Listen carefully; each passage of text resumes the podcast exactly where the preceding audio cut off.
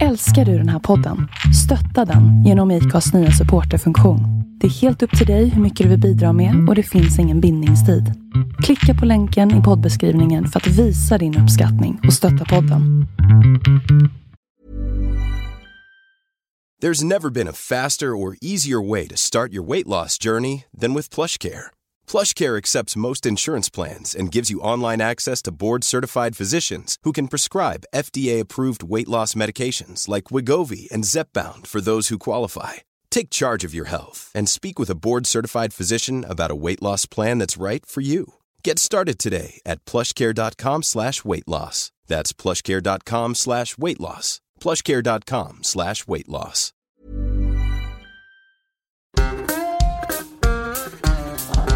Det här avsnittet av Vi måste prata presenteras av Borlänge Paddelcenter. Du som lyssnar har 40% rabatt på banhyran vardagar fram till klockan 16. Boka på borlängepaddel.se. Ange rabattkoden VMP.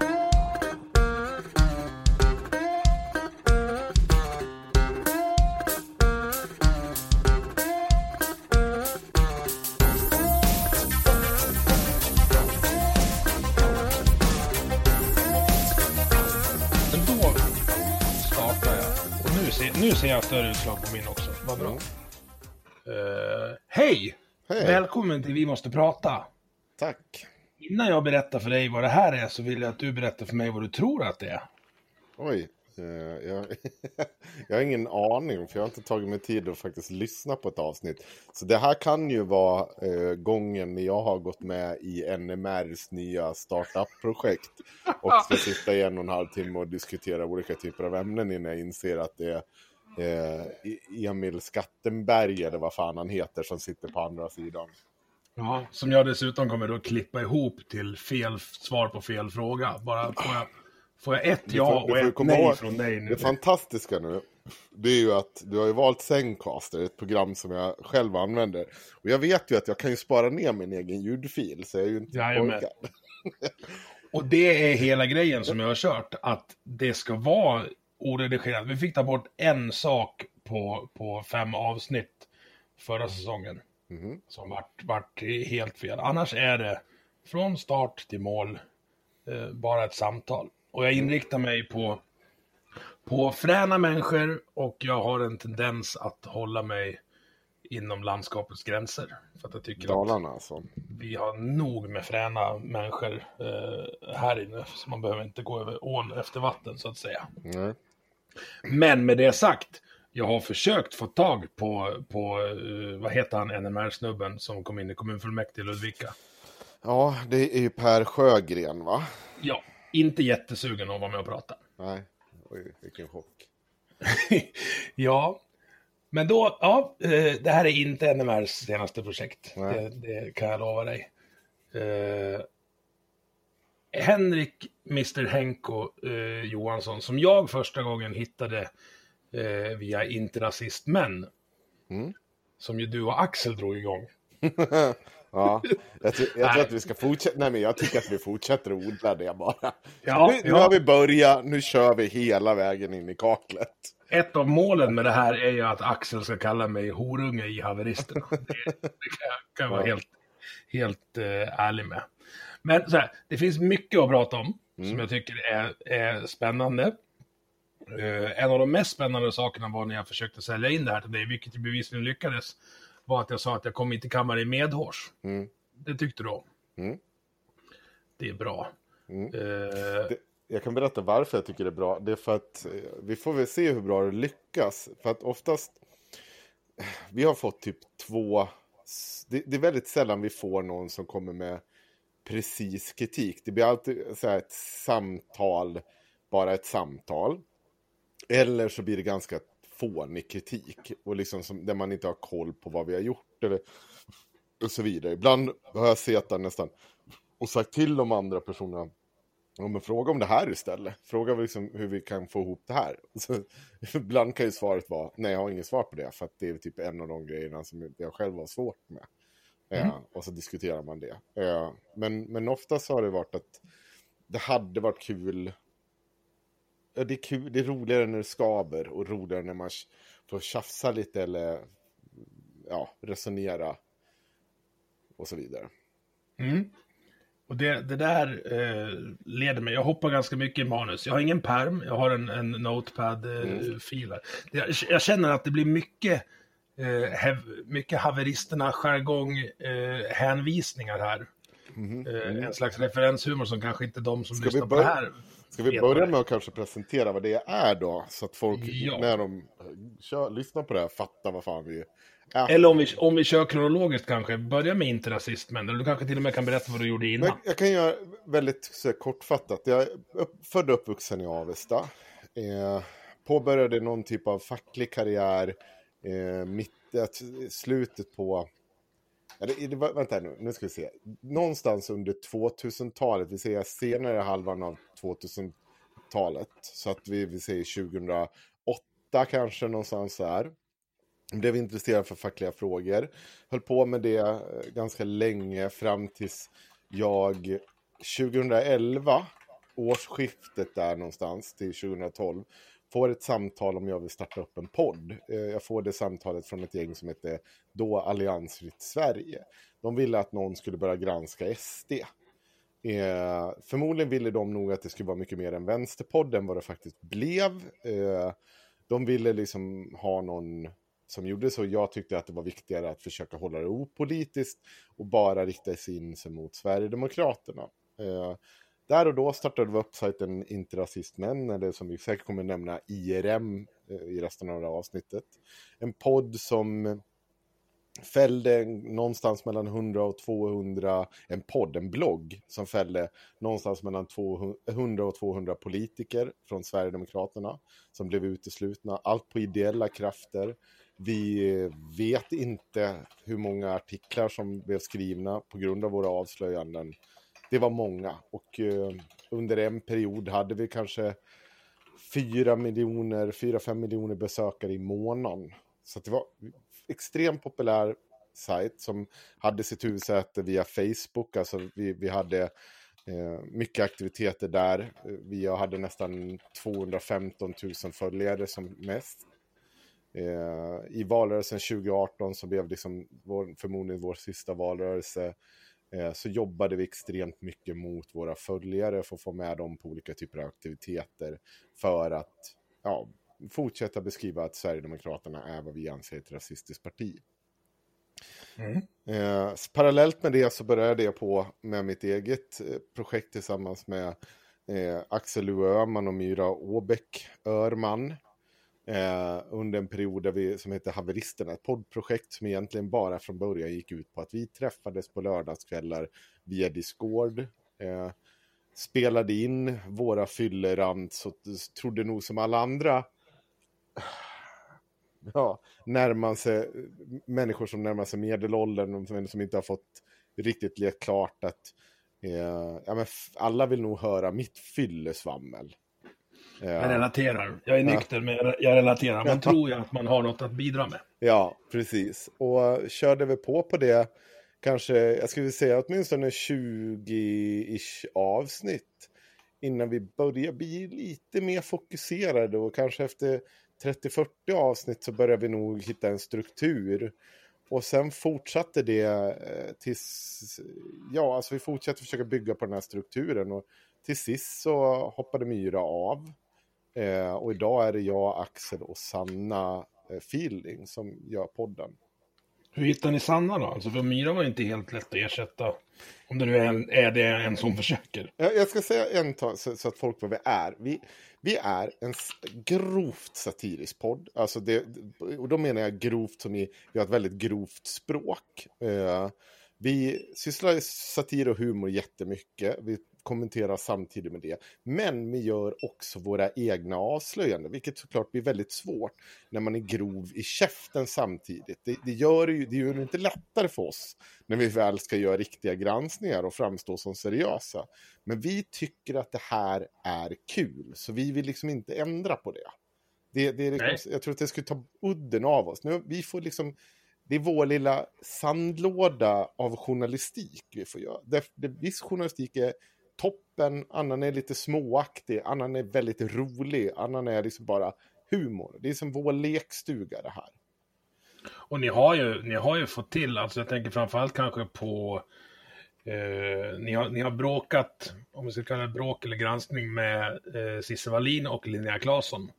Som ju faktiskt, där ni har fått fram ganska, ska kalla det allvarligt, men du förstår vad jag menar? Ja. Ni, har, ni har påvisat grova felaktigheter i deras påståenden och verksamhet.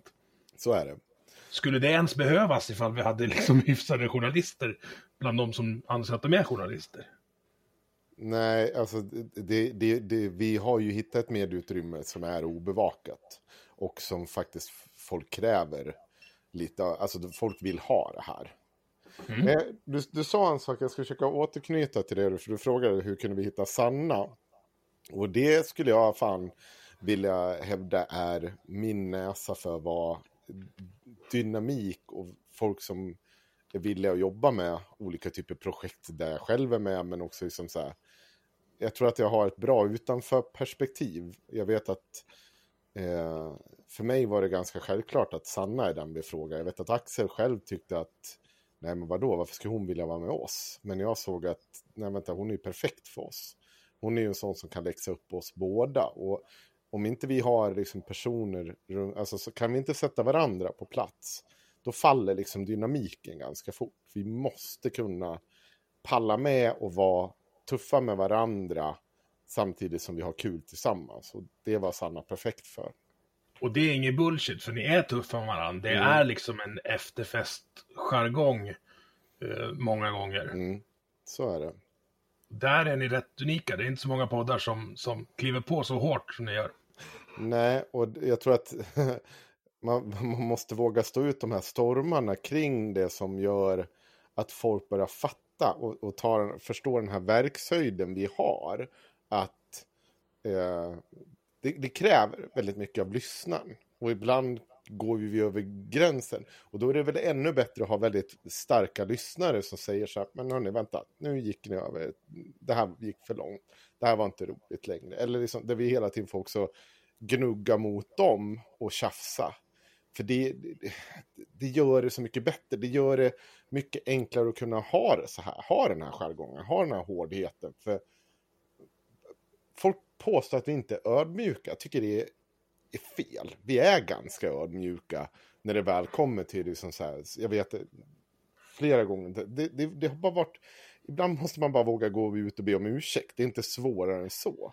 Men folk förväntar ödmjukhet när, när du har liksom 37 argument varf emot deras argument. Det kan ju alltid vara så att den person, förstår du vad jag menar? Att, jag förstår precis. Jag Ja. tycker att ödmjukhet är ett av de mest misshandlade orden i svenska språket. ja, Många ser det som att man ska liksom köra jante och bara, nej men inte ska väl jag säga någonting om det här. Det är klart du ska! Ja, det, ja för, precis. Det, jag tycker att det är skitviktigt att förstå skillnaden. För det är lite det vi brottas med mest. Att, du måste ju förstå, när, när vi kan tjafsa med någon, det är att så här, men du har, kommer här med 37 argument. Jag har 37 argument emot dig. Det är inte oödmjukt. Det är att vi har olika åsikter. Men det finns flera gånger under vår liksom, historia där inte vi har haft så jävla mycket argument. Vi har stått ganska tomma efteråt att vi har sagt någonting och bara sagt att Hörrni hörni du, ska vi verkligen sitta här och kalla alla sepia i den här podden och liksom använda det som ett skällsord 24-7? Nej, vet ni vad, vi kanske ska använda det nya ordet fjällig istället för att liksom tagga ner det här lite. Eller ska vi, var det nödvändigt att jag skulle prata om den där kvinnan och hennes ätstörningar på det där viset? Absolut inte. Det där får du ju fan bara gå ut och be om ursäkt för. Det är inte svårare än så. Eh, det, det finns liksom tillfällen där vi har... Det, det är bara backa. Eh, men inte, vi kommer inte backa om vi tror på någonting. Det är inte... Nej, det, det är ju att vi tror på det. Och jag, ty jag tycker att det är bra. Det är, det är många som, som har en... Eller så här, det finns en tendens att be om ursäkt fort när du får mothugg. Eh, ja, i, i Sverige, eller så här, i bloggosfären eller vad vi ska kalla det. Mm. Alltså så, så fort du, du, du... Så fort det börjar nudda vid ett drev så säger folk, nej förlåt, då var det förmodligen dumt. Fast man mellan raderna kan, kan, kanske kan läsa av dem att nej men jag har inte ändrat mig. Jag tycker bara det är jobbigt när folk tycker att jag har fel. Mm. För fel får man ju ha. Mm. Så är det. Det är, det är ju inte olagligt. Men det, det, det var väl eh, snabbt avhandlat om man ska försöka sammanfatta vad det är. Sen finns det ju massa annat kul runt omkring det som du säkert har frågor om. Jag har inte sett livesändningen från i lördags, men den lär väl ha varit bra antar jag.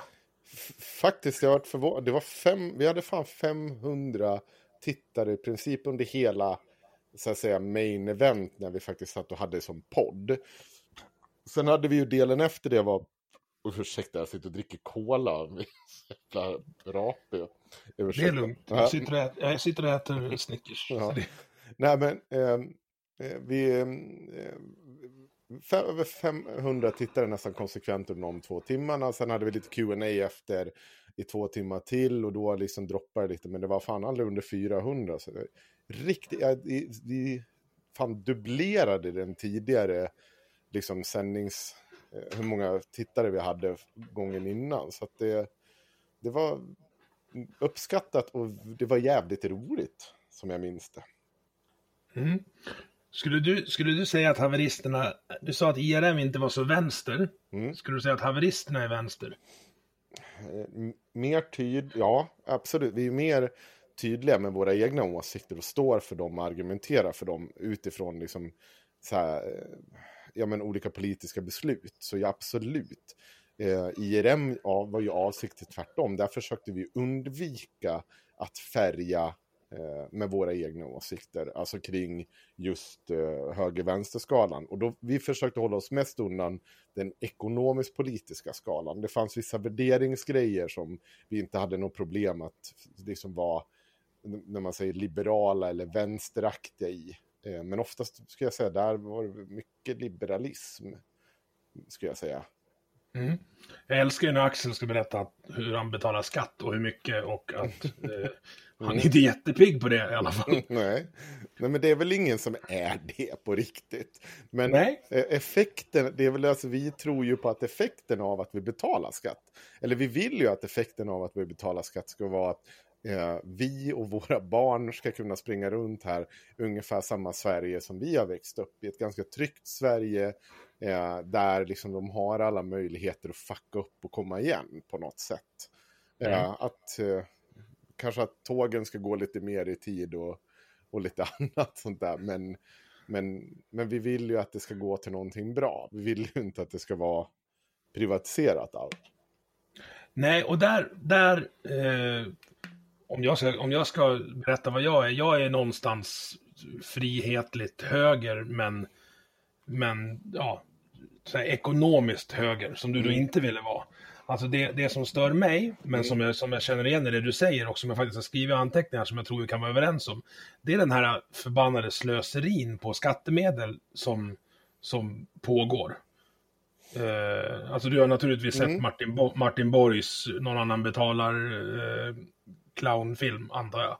Nej, det har jag inte, men jag vet det är väl ungefär som skatteombud, vad heter det? Skatte, Ja, men slöseri, han var ju det. Han var ju ja, det då när han gjorde den. Alltså när, Ja. när de installerade dimmaskiner i rondeller och, och Precis. det här, det här silvriga äppelskruttet som din favoritkille i Örebro tycker om att prata om. Silvriga äppelskuttet. Ja, Marcus Allard går bananas på att Örebro har köpt in ett kromat äppelskruttsskulptur för 600 000 som man dessutom Ah. får ta bort på sommaren för det är en brandfara. Och då kan jag tycka att då håller jag med. Är det, då är håller det, jag med är det en brandfara? Ja, det är så det polerat så, så det reflekterar och koncentrerar solljus på torra grenar i skogen bredvid. Så det är, ja. Det är ju en halv miljon åt helvete. Och det spelar ingen roll om du är höger eller vänster, det måste ju folk förstå. Nej, jag, jag är inte så, det, det, det beror ju också, du kan ju också ha en vänsterekonomisk syn på kultur och hur mycket du vill att den ska vara offentligt finansierad. Jag ska Ja. säga det så jag tycker alltid att det är en svår fråga, det fattar vi ju också, att det inte är konst som är så kontroversiellt och så ogillat av alla, och så liksom, eller som alltid blir en sån här talking point. Precis, de har väl, jag har för mig att de har, en, har de inte den jävla däckankan, eller svanen i Örebro också? Det har, det har de säkert. Alltså jag, men, ja, nej, men kon, konst är väl en av de se, se, grejerna jag tycker att staten kanske ska hålla sina händer ifrån. Men, men samtidigt så är det så här. Jag, jag, det är så jävla lätt att säga så, tycker jag. Uh, jag skulle vara benägen att göra det också. Men hur funkar det när inte staten är där och lägger sig i då? Blir det så jävla mycket bättre då? Alltså, jag, jag vet inte. Jag, jag, tycker att det är någonting fint med att ha konst i det allmänna utrymmet. Som, och, och för att det ska någonstans funka på ett bra sätt skulle jag hävda att då har väl egentligen alltid staten varit inblandad på ett eller annat sätt. Det är väldigt sällan det är någon privat aktör som bara får feeling och köpa in och ställa ut det här för allmänhetens beskådan. I alla fall inte i någon större skala. Nej, jag, jag kan köpa, eller så här, det, det, är ett, det är ett hyfsat argument. Mm. Men jag tycker att kanske elevassistenter och undersköterskor går före. Mm. Men det kommer, ju, det kommer ju alltid ur ditt perspektiv vara så. Det är skitenkelt att säga det. Eh, så fort man inte tycker att någonting eh, fungerar så säger man men då är det här viktigare än konsten. Jag är inte helt övertygad. Jag, jag kan ju tänka mig att om jag tittar på Avesta som jag är född och uppvuxen i. Fy helvete vad det har förändrats de senaste åren. Med bland annat liksom så här, hur det allmänna utrymmet ser ut. Eh, hur det faktiskt finns konst nu som på nytt igen inköpt och ställts ut i rondeller och fan och hans moster. Och än en gång, jag, jag, förutsätter att inte alla gillar det. Men det har hänt någonting från liksom ett jävligt kallt och trist sent 80-tal som jag minns fram till liksom eh, det börjar hända någonting på 2000-talet. Det börjar förändras. Stan liksom växer till sig, blir mer och mer. Och jag, jag tillskriver nog socialdemokratin väldigt mycket det, framförallt i Avesta. Och, och liksom den typen av tänk kring offentligheten och vad den ska stå för. Sen förstår jag också att våra skolor är skräp här i Avesta. De får jättebottennapp. Och jag vill nog att det ska hända nog ganska mycket där också. Mm. Men jag tror ju i slutändan på en politik som kan göra båda sakerna. Ja, och jag, jag, tror inte kanske att mer pengar alltid är lösningen på om man säger den, den delen av det offentliga som jag tycker ska vara statligt finansierad, mm. det vill säga typ, ja men om vi tar sjukvård och skola. Eh, just för att de har den här eh, konstiga budgetgrejen att pengarna måste ta slut varje år, annars får vi mindre pengar nästa år. Vet du, vet du vad jag mm. hänvisar till då? Mm. Alltså att du mm. får, du får 10 miljoner i år. Om du lyckas spara så att du går på 9,5, ja då får du bara 9,5 nästa år. De, det finns liksom inget incitament för att bli bättre i ett sånt system. Nej. Ja, ja, jag vet inte om vi ska låsa oss vid den diskussionen. Jag förstår hur du menar. Jag har hela natten på mig. Nej, men, ja, jag, jag, tror inte att det är så enkelt. Men jag tror inte att vi har så... Jag har väl inte så jättemycket att tillföra en sån diskussion heller i slutändan. Att, för jag tror att det är så mycket mer sånt där hänger på. Eh, och det är ju en teori, det är inte alltid det är så att lyckas du spara en halv miljon så, så får du en halv miljon mindre budget. Det, det, är inte en självklarhet det heller, men det har väl varit så för att man har väl hela tiden gått med underskott som kommuner och så vidare. Och då har man ju, när man har sett att det spars in på någonting så är man ju benägen att ta där för att ja, ni klarar ju på det. Ja, precis. Och det, det, det går ju igen i det kommunala utjämningssystemet också att är man en, är man en nettomottagare och så börjar du skärpa till dig, då mm. får du mindre pengar från, från det centrala. Mm. Det tycker jag också känns... Eh, mm. Där tror jag mer på marknaden, ser du. Jag tror att Axel har en hel del åsikter om det kommunala utjämningssystemet. Jag har för mig att han skriker om det både en och tre gånger i vår podd. Han ja, det är bra. om att vi blir finansierade. Ja, Eh, jag vill hålla kvar med politiken. Tänk att eh, Henrik Johansson, Hen, nu ska vi se, nu Henrik Johansson blir statsminister. Mm. Garanterat får sitta i tre mandatperioder. Vad är det första du ändrar på? Här, du får 12 år. Du får 12 år så att du menar att jag ska kunna eh, ändra olika typer av delar av regerings... Eller vad heter det, så här, grundlagen också? För det skulle jag ja. göra då. Och att, att mm. eh, jag tycker fyra år är lite kort för att då går de Alltså man, incitamentet blir att bli omvald, inte att göra någonting. Mm. Det är väldigt få politiska strategier som får en utveckling över fyra år. Mm, Okej, okay, du tänker så. Ja, men jag skulle säga så här, för jag ska återförstatliga skolan. Jag ska eh, förmodligen, och du, du, får faktiskt ta det med en nypa salt, för att eh, det här är sånt här som, när man är uppväxt i en politisk miljö, en vänstermiljö, så är det vissa talking points man lär sig dra med. Och jag ska inte, jag ska inte sitta och låtsas som att jag kan all bakgrund, men det här med att, eh, att vi har ett landsting, till, landstinget till exempel. Jag, jag, tycker det låter som en dålig sak. Alltså, jag, jag, får inte riktigt ihop det varför vi behöver ha det så. Det kan förstatligas det också. Jag, tror på att vi får mer likvärdig vård då. Det, jag tror att det är ett av resultaten av det. SJ, åter, allting där ska återförstatligas. Eh, vi ska, sa jag apoteken också? Nej, men... De ska med på ett hörn. Eh, är det något mer jag har eh, tänkt på kring sådana saker? Jag tror att där, det räcker, ungefär där, det, det, med någon brasklapp att jag glömmer grejer här. Så där någonstans, så, så det, det, är så min liksom, politik för det offentliga ser ut. Skolan mm. också ska förstatligas. Det tror jag alltså. Att det inte heller... Ja, det var det första du sa. Ja. Men vi, om vi tar dem en och en då. Ja. Förstatliga skolan. Är det, det är tvärstopp friskolor? Inga alls? Ja, det är stopp. Det, jag skulle möjligtvis kunna hitta ett system för att de här, eh, vad heter det, de här typen av kollektiven, eh, vad heter det, när man... Ja, men alltså ideellt, ja, föräldrakooperativ. Ja, kooperativ och sånt, det, det, är möjligtvis där då, men nej, återförstatliga skolan och sen skulle väl det också mycket mer ligga på staten att se till att det är en likvärdig och jämn utbildning. Mm. Mm.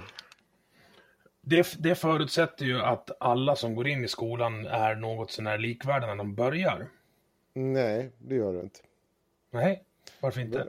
Du kan väl för, göra jättemycket för att utforma skolan eh, efter individen utan att det behöver vara... Alltså, jag ser ingen motsättning mellan förstatliga och eh, att du har eh, individuellt anpassad skolgång. Alltså försöker se till, se till individen i skolan.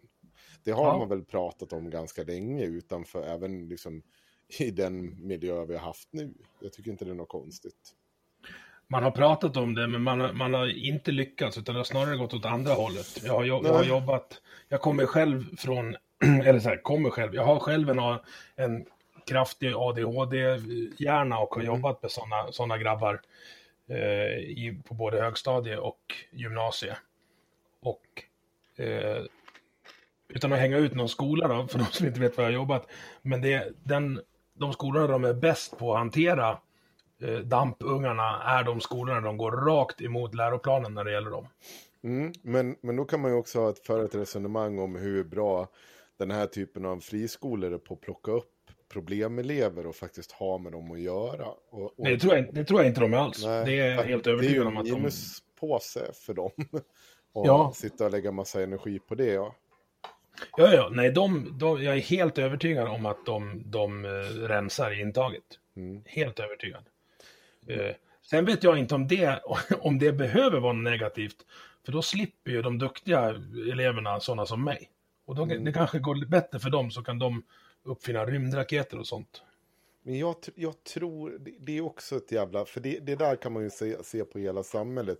Vad som händer när vi segregerar bort vart eh, underklassen eller vad det nu än må vara. Vi må inte, det blir inte så jättebra i slutändan alltså. Helt ärligt, om du, om du har ett, sam, ett litet samhälle, som om vi tittar på Avesta, även här har du ju viss segregation, men när jag växer upp, eh, du har ju ändå en ganska bra mix av människor i de olika skolorna. Och jag tror att det leder också till att det drar med sig, det blir en push och pull-effekt av det. Jag tror också att du, du måste titta på en klass helhet. Du kan inte ha eh, en klass som är till 30-40% bestående av människor med problem, olika problem eller som ligger efter. Det är klart att det drar ner. Det där måste man ju än en gång, individuellt anpassa och titta på klasserna. Man måste se, se hela kompositionen. Jättesvårt samtidigt som du kanske inte har hur ska du gå och bedöma människor? på det sättet för att det ska bli så bra som möjligt. Mm. Det riskerar ju att du håller på att sortera bort unga på ett jävla skevt sätt. Men jag har, jag har inte den detaljkunskapen eller jag, jag, jag tänker inte våga mig på tanken om hur det ska hanteras. För det, det, det finns så många fallgropar, det finns så mycket jag inte kan som jag hellre lämnar till de kunniga. Men jag, jag anser att ett friskolesystem så som vi har det idag, det är inte, jag, jag köper det inte. Jag tror inte på det. Och då ska du komma ihåg att jag har mina ungar i friskola också. Ja, alltså jag, jag tror på friskolor. Alltså, jag, jag tror att det kan finnas en plats för friskolor, men inte som det är idag. För det är vi och vad är det, Chile som har den här helt, helt fria taktiken. Då kanske man kan titta på... Alltså jag tycker Finland är, är väldigt bra och när jag pratar med, med kompisar i Finland så berättar de att de är bra för att de använder Sverige som testbädd. Alltså de ligger fem år efter oss i skolplanen och eh, tittar vad som funkar för oss och så gör de, tar de de grejerna och snor dem. Så de är jätteglada över att vi experimenterar. Ja, men, men också så här Finland, jag tänkte på det så här, som jag uppfattar det systemet så är ju det extremt inrutat. Och, och de är ju väldigt lyckade i, alltså extremt lyckad skola har de. Men de är ju också extremt inrutade jag tror inte att de har mindre människor med ADHD där. Nej, garanterat inte. Nej. Så vad, varför, hur kan deras inrutade system funka? Men det enda vi hör härifrån är ju att precis, just den här just från ADHD-människor så är det, det är ju det vanligaste man får höra. Att, att skolgången aldrig var anpassat efter dem. Man kände sig aldrig ut, alltid utanför, man, man kom liksom alltid, man hade svårt med koncentrationen och så vidare. Men jag vet inte, den debatten kanske pågår i Finland också utan att man, man är insatt i det. Ja, inte. sen är, sen är ju alla, alla ADHD-pojkar är ju inte likadana heller. Nej. Men många, många av oss mår bra av, av det inrutade. Alltså Mm. Typ lumpen och sådana här tillfällen i livet när det har liksom varit inrutat på allvar. Då mådde jag som bäst. Mm. Eh, Så den här fria skolan, det var det jag skulle mena med den inkluderade skolgången. För det är det det står i läroplanen, nämligen att alla elever ska vara i samma klassrum.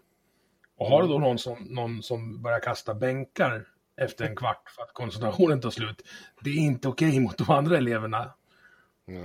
Nej. Då måste, man, då måste man lyfta ut och försöka eh, se till att den killen, för det är oftast en kille, får en dräglig skolgång och chansen att lära sig saker. Men det gör vi ju också. Alltså, det är ju inte heller någonting som står i, i, i motsats med en förstatligande av skola. Men jag har ju gått i statliga skolor och det har ju lyfts ut ungar både här och var. Ja, och, Så ja är det ju. kanske själv någon gång. Ja, ja, jag var så illa. Jag har nog blivit utkastad i rummet, absolut. Men, men jag var inte den som välte liksom ett bord och ja, så. Men jag var i de klasserna några gånger. Det var... Det spårade ordentligt. Jag vet en gång så gick vi och köpte en porrfilm på engelska lektionen. Och, när hon, och bytte ut det och spolade fram porrfilmen. Så när hon kommer in så hinner hon liksom sätta på den här jävla porrfilmen. Sätter sig vid liksom skrivbordet medan vi håller på och viker oss över. Innan hon har ja, det- fattat. Ja, innan hon fattar att det liksom är fullt knull på tvn. Ja, jag var så jävla dum. Men hon, det var inte ett uppskattat skämt kan jag berätta. Nej, Det- folk har ju ingen inte- humor. Nej. Jag vet inte om jag hade gjort om det idag heller, men det var... Då, vi skrattade då. Mm. Men är vi jämngamla? Är du 40? 38. Fyllde Ja, 39 näst- år. Då kanske du slapp det, det jag utsattes för när jag började trean, det vill säga salmer på morgon eh, medelst tramporgel. Nej, det slapp jag. Ja, då vart man ateist kan jag säga per automatik. Och när man dessutom har en fröken som är så dålig på att spela orgel så hon inte märker att vi har tejpat ihop tangenterna.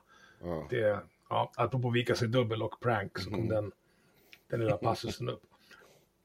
Nej, men jag, jag, jag skulle vilja ha ett system där det, där det finns möjlighet att starta friskola så att man kan anpassa sin... Eh, så att du som förälder kan välja, för jag tror att föräldern är bättre på att bestämma vad som är bra för barnet än vad staten är. Jag vet det. Du har ju satt dina i friskolan.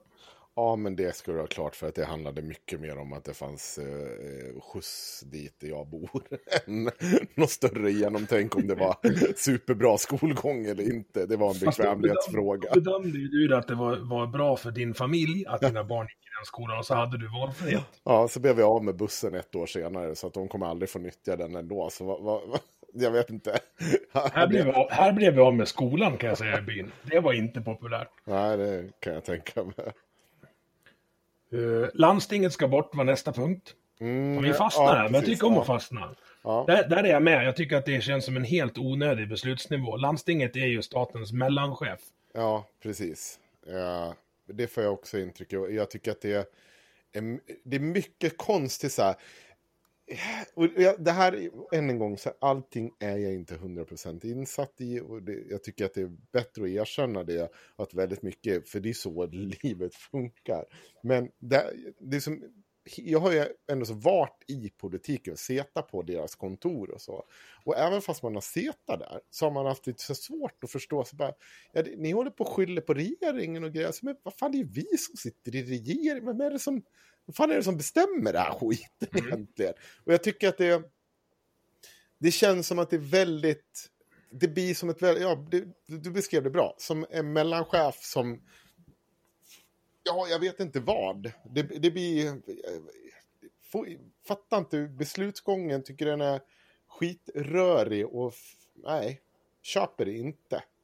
Jag, jag vet att jag har fått lite skit för det inom när jag varit inom sossarna någon gång också. Så här. Men, men när de ska sätta sig ner och förklara det så det är ju inte så att de kommer med några superstarka argument som får mig bara wow, landstinget, vilken jävla grej ni har kommit på.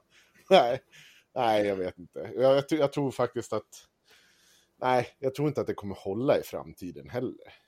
Jag tror att det kommer, jag tror att det kommer ske ganska radikala förändringar där. Vilka förändringar ser du då? Alltså Nej, att det försvinner på ett eller ja, att, det, att beslutsfattande, att det blir mer raka kanaler från eh, uppifrån och ut till de liksom olika sjukhusen som finns runt, runt om i landet. Men hamnar inte besluten ännu längre från medborgarna då? Jo, fast vad är beslut? Så här, det är också, det blir så konstigt, budgeten delas upp på ett jävligt märkligt sätt. Alltså jag vill väl liksom att när jag beslutar om en regering, då på något sätt så vill jag också besluta om mer eh, pengar till sjukvården. Eller om, jag vill liksom inte hålla på med, det- det är så konstigt för det är ju det pengarna kommer till landstingen, eller hur? Ja. Sen är det ju bara på landstingen där de beslutar där, det är ju hur de fördelar det inom, på något sätt inom regionen. Och sen de som bor nära då, en gräns mellan två landsting och kanske till och med närmare till ett sjukhus. Alltså det blir, jätte, Ja. det blir det är ett konstigt system, jag håller med. Ja, så jag, jag kan inte riktigt förstå vad det är jag beslutar om där. Alltså var, varför kommer jag närmre sjukvården? Vad, vad hjälper det mig att jag har röstat in sossar nu i alla val? Jag, jag vet inte om det gör det. Jag, jag, jag vill hellre att det kanske det ska räcka i så fall med att jag skickar sossarna in i regeringen och så får de se till att det kommer mer pengar till sjukvården. Eller att man eh, använder det på ett bättre sätt. Att man kanske håller koll på... För du sa en sak som jag tycker är intressant. eh, Som jag ofta hör, inte bara från högermänniskor nödvändigtvis, men man säger så här att det är inte alltid att mer pengar löser problemen. Nej, det, det har du rätt i. Det finns massa så här olika grejer som sker, att det hamnar mer konsulter på sjukhus eller att pengarna inte hamnar där de ska. Eller som när man gjorde om hela polismyndigheten så skulle det, man skulle trycka ut mer poli, poliser utåt sett. Eh, och man håller på med sånt där. Eh, och poängen med det är liksom att och vad fan, nu håller jag på, nu håller jag på att tappa tråden. Eh, att det, det stämmer ju. Alltså, alltså det, du har ju rätt. Men det betyder ju inte att man ska ha mindre pengar. Det kanske bara betyder att pengarna ska styras på ett annat sätt. Att Ja, de ska styras om till kär, kärnverksamheten. Men att kärnverksamhet, det det behövs inte mindre budget, utan det behövs bara mer pengar till kärnverksamheten. Att man hittar där. Och jag tycker inte det, man har inte lyckats med det på landstingsnivå någonting direkt. Vi har, om man, om man jämför med Tyskland, som ju har en del stordriftsfördelar jämfört med oss, så träffar ju läkarna patienter mycket mindre tid av sin arbetstid och administrerar mycket mer i Sverige. Det är ju en, en kapitalförstöring utan dess like. Mm. Eh, och det fick jag då efter lite efterforskning eh, och en intervju med Mats Hogmark eh, förra säsongen fram att det har att göra med att vi i Sverige har tagit bort eh, läkarsekreterarna. Så läkarna måste göra, sköta all sin egen administration. Mm. Det känns ju som en jättedum idé. alltså, eh, var, var, så här, låt doktorn ta hand om den som blöder och sen får någon annan faxa. Det kan inte, kan inte någon säga emot, eller? Mitt, nej, precis. Mitt ex, eh, polis var hon, eh, eller är hon såklart. Eh, men jag kommer ihåg när, när vi var tillsammans, då, hade, då skulle Polismyndigheten införa ett nytt datasystem. Eh, det här datasystemet funkar så dåligt så att flera gånger under liksom Eh, alltså, så, alltså vi pratar inte, alltså det, det, det, kunde hända nästan varje vecka. Så fick hon jobba över för att datasystemet var så segt och drog ut på administrationsverksamheten så långt. Så att hon fick sitta och jobba över.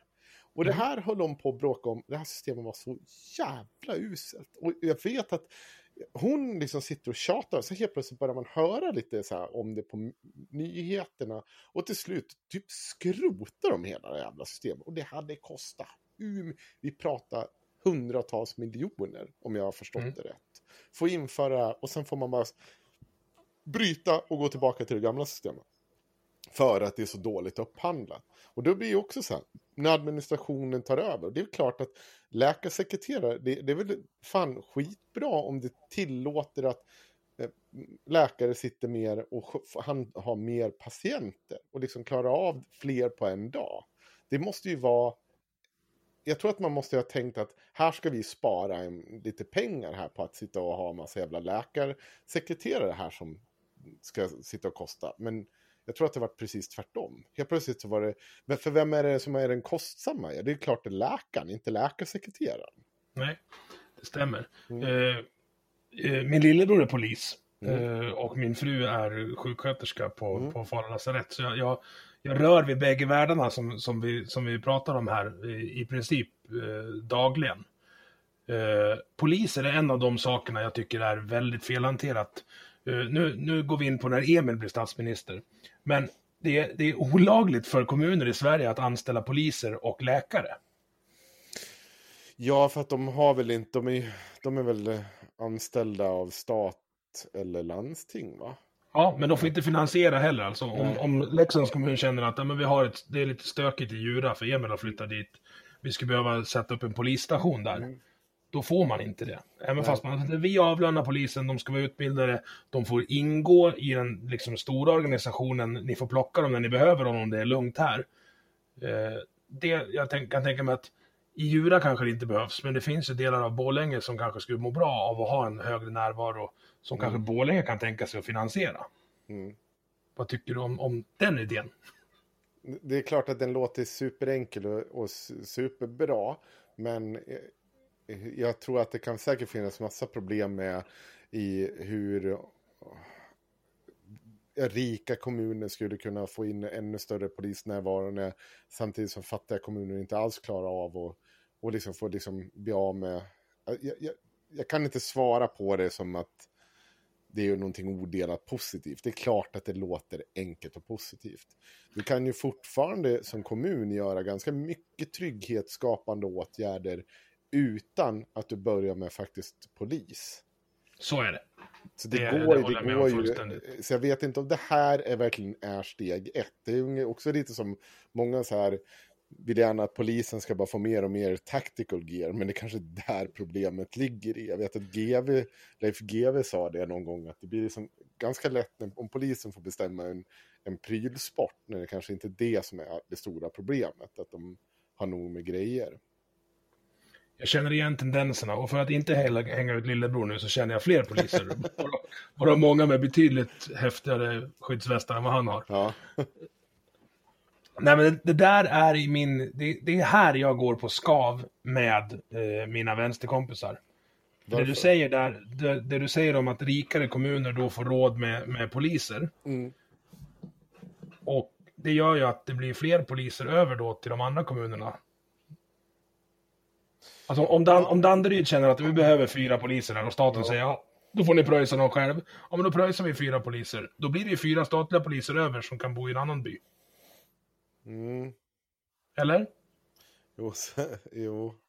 Jag, jag måste bara tänka vad, vad, vad konsekvenserna är.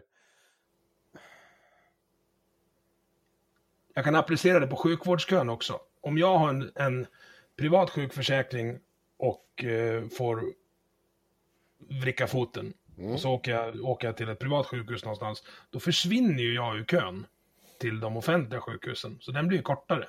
Mm. Plus att pengarna jag betalar blir det moms på och det blir skatt på lönen hos läkaren som säger åt mig att sluta gnälla, ta en Alvedon och gå hem. Jo, men du går ju också före i kön. Eh, för att du kan, kan köpa det dit. Det, det Ja, men det den som inte har råd får ju en person mindre framför sig i kön. Och så kommer bakom mig. Jag. Ja, men om vi har en sån ut... Alltså om vi betalar med skatt och ser till att den sjukvården är allmän och likgiltig. Så, alltså, eller inte likgiltig, vet du Lika... Likvärdig. Likvärdig menar jag såklart. Inte likgiltig. Ja, det blir dumt. Ja, eh, så, så ska inte det här vara ett problem. Och det jag vet att facket, när vi resonerar om om vi ska ha eh, lägga till a-kassa för att regeringen inte höjt a-kassan på länge, så har en stor del av nej-sägarna ham- liksom, diskuterat så här att vi ska ha ett sånt stort trygghetssystem i Sverige, garanterat från staten, att det här inte ska behövas. Vi ska inte behöva köpa oss ett bättre trygghetssystem. Det här är, ingår i hela liksom, vårt samhällsbygge. Och sen kan man resonera om det verkligen är så jävla smart i förlängningen efter så många år och det inte har hänt någonting. Det är en annan femma. Men lite samma vill jag nog säga att jag resonerar kring sjukvården. Att du ska inte kunna köpa dig förbi i kön. Det, det, är, inte, det är inte rätt och rimligt. Det, förmodligen kommer inte det göra jättemycket för att det tär någon annanstans i resurserna. Som, jag vet, Sanna skällde över som fan att när några av de här kryläkarna sitter och tar upp enorma summor av eh, det gemensamma pengar. För de ska ju också fakturera staten. Ja. Så att det, det, det är inte ett, Jag- jag- jag ett att- enkelt kretslopp så att du bara får, om jag bara startar en, en, en liksom startar upp en till och, eller vad säger privatfinansierad läkare så kommer liksom det hjälpa på, i andra änden. Nej, det kommer nog få, kunna få, få konsekvenser eh, i andra änden snarare. Men om Kry var en betaltjänst då, skulle den få finnas då? Om man betalar läkaren själv för att prata med den. Mm. Nej, jag tror inte det- Jag har inte några starka argument. Jag är nog bara lite kvasikommunist på det sättet. Nej, jag tycker inte att det, det utbudet ska garanteras av staten, inte av privata aktörer. Får jag, får jag eh, prova en teori på dig om Ja. Kry? Eh, jag tror att Kry är för sjukvården vad Napster var för musikindustrin. Att det kommer, tvi- det kommer tvinga fram eh, etablissemanget att eh, snabbare komma ifatt på digitaliseringsfronten. Ja. Jag hoppas det i alla Ja, fall. har, I ett avsnitt av Haveristerna så tar vi upp just den här diskussionen. Och då säger jag så här, för då kommer jag med samma invändning jag också. Att det är tråkigt att liksom de här äh, statliga liksom, grejerna aldrig kan liksom ligga i framkant när det kommer till sådana här. Alltså För att idén med att kunna ha en app där du ska kunna ta emot människor eh, via telefon, den är inte helt jävla tokig liksom. Och nu finns det en i flera, i flera landsting om jag inte äh, är helt ute och cyklar. Men även i min liksom drömvärld så vill ju jag att man hittar sätt att belöna den typen av innovation på något sätt. Sen kanske inte du ska få ta del av det allmänna, eh, det, eh, det som det allmänna finanserna på det sättet som vissa av de här eh, friskolorna gör eller eh, olika typer av eh, kryappar eller läkarappar kan göra. Eller vad hette hon, eh, Läckbergs jävla vad har hon gjort nu då? Hon har ju också startat någon sån där jävla läkargrej som hon kallade feministisk eh, någonting, jada jada. Men liksom bara, ja, lyckas få till något sånt där. Eh, och jag vill inte att det ska tära på det offentliga. Det, jag, jag, jag brasklappar mig. Du, jag tycker att frågan är intressant. Om, om allting, det är bara du som person som betalar. De, de kan liksom inte ge, ge sig på samhället på någonting annat än att du får helt enkelt betala det här själv. Kanske jag skulle acceptera det, men nej, jag, jag tror ju inte det. Jag, jag vet, det är bara svårt att se konsekvenserna, eller tänka ut konsekvenserna av det. Konsekvensen av att säga nej till det blir att staten bestämmer vad jag får göra med mina pengar. Ja, gud ja. Det gillar ju inte jag. Nej, det må så vara, men det gillar jag.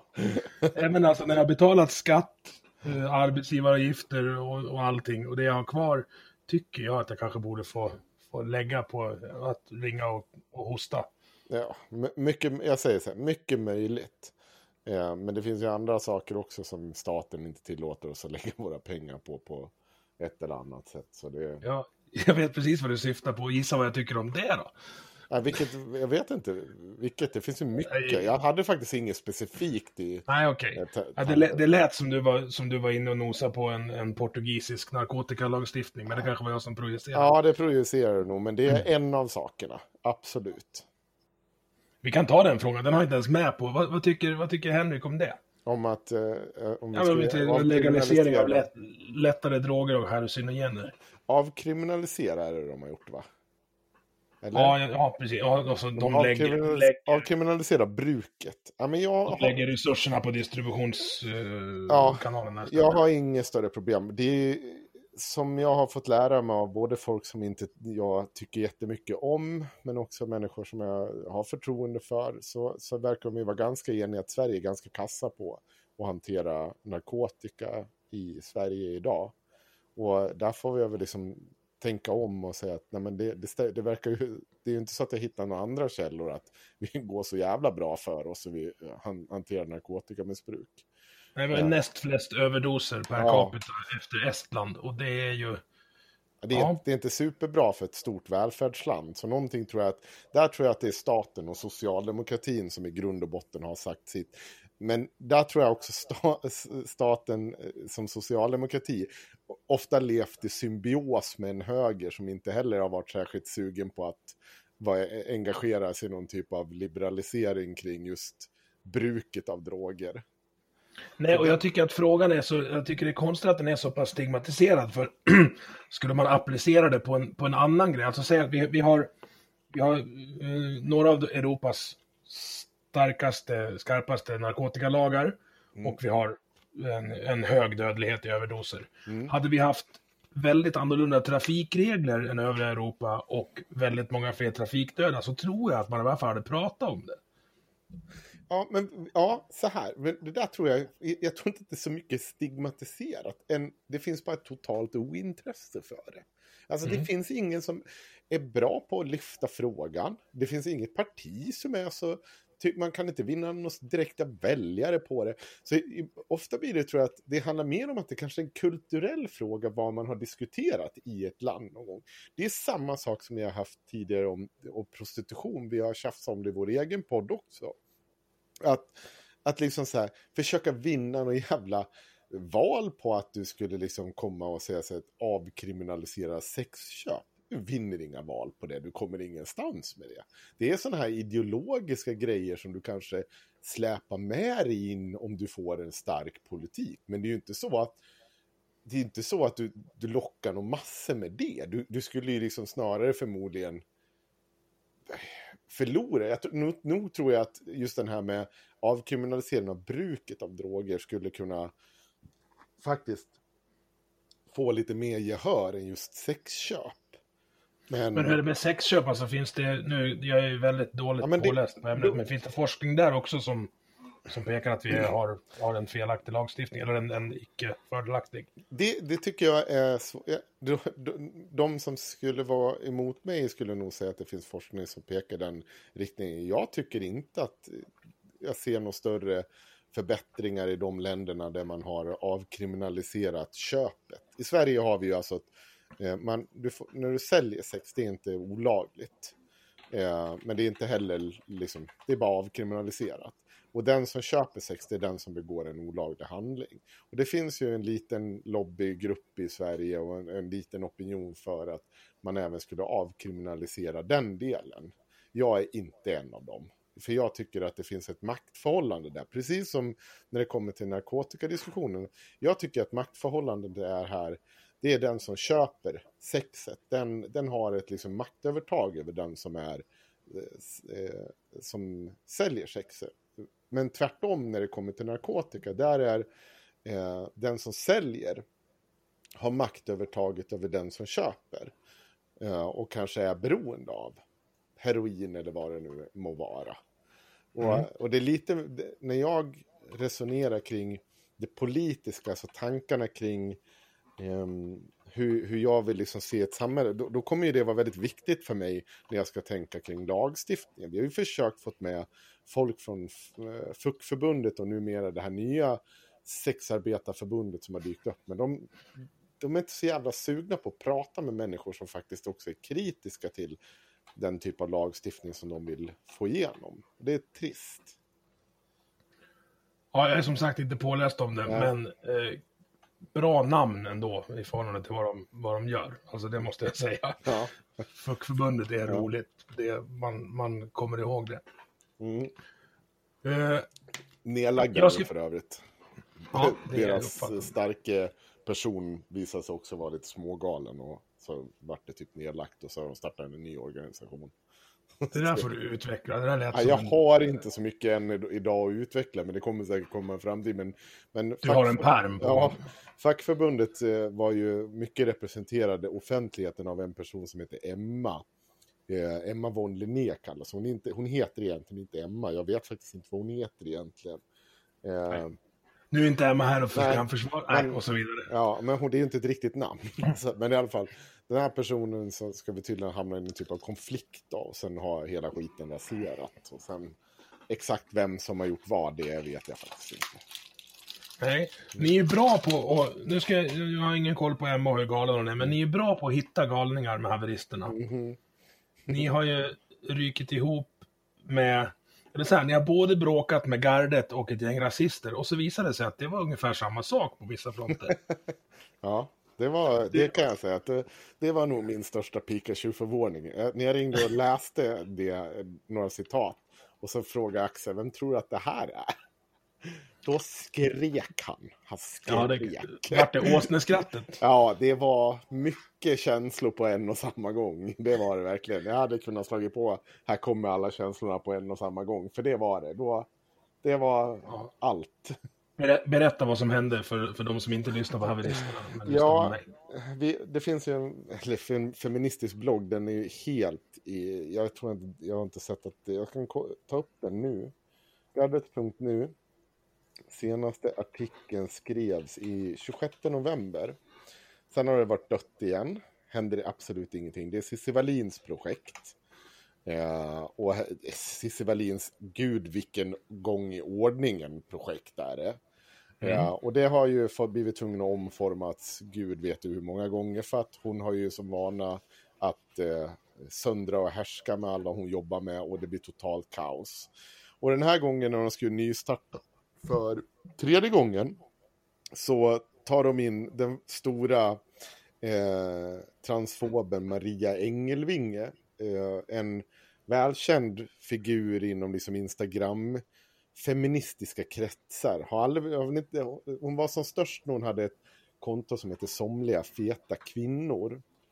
Eh, och, och det gjordes ett namn, men liksom har försvunnit i omgångar och kommit tillbaka. Och nu kom hon tillbaka och skulle vara någon typ av redaktör på Gardet presenterades hon, hon som.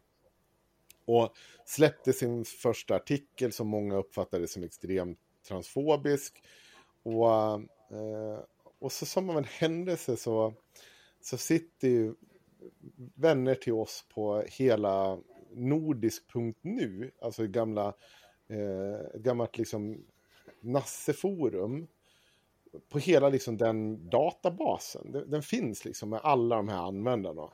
Och av någon anledning får vår vän för sig att slå i det där. och ping säger du såklart. Där dyker ju namnet Engelvinge upp.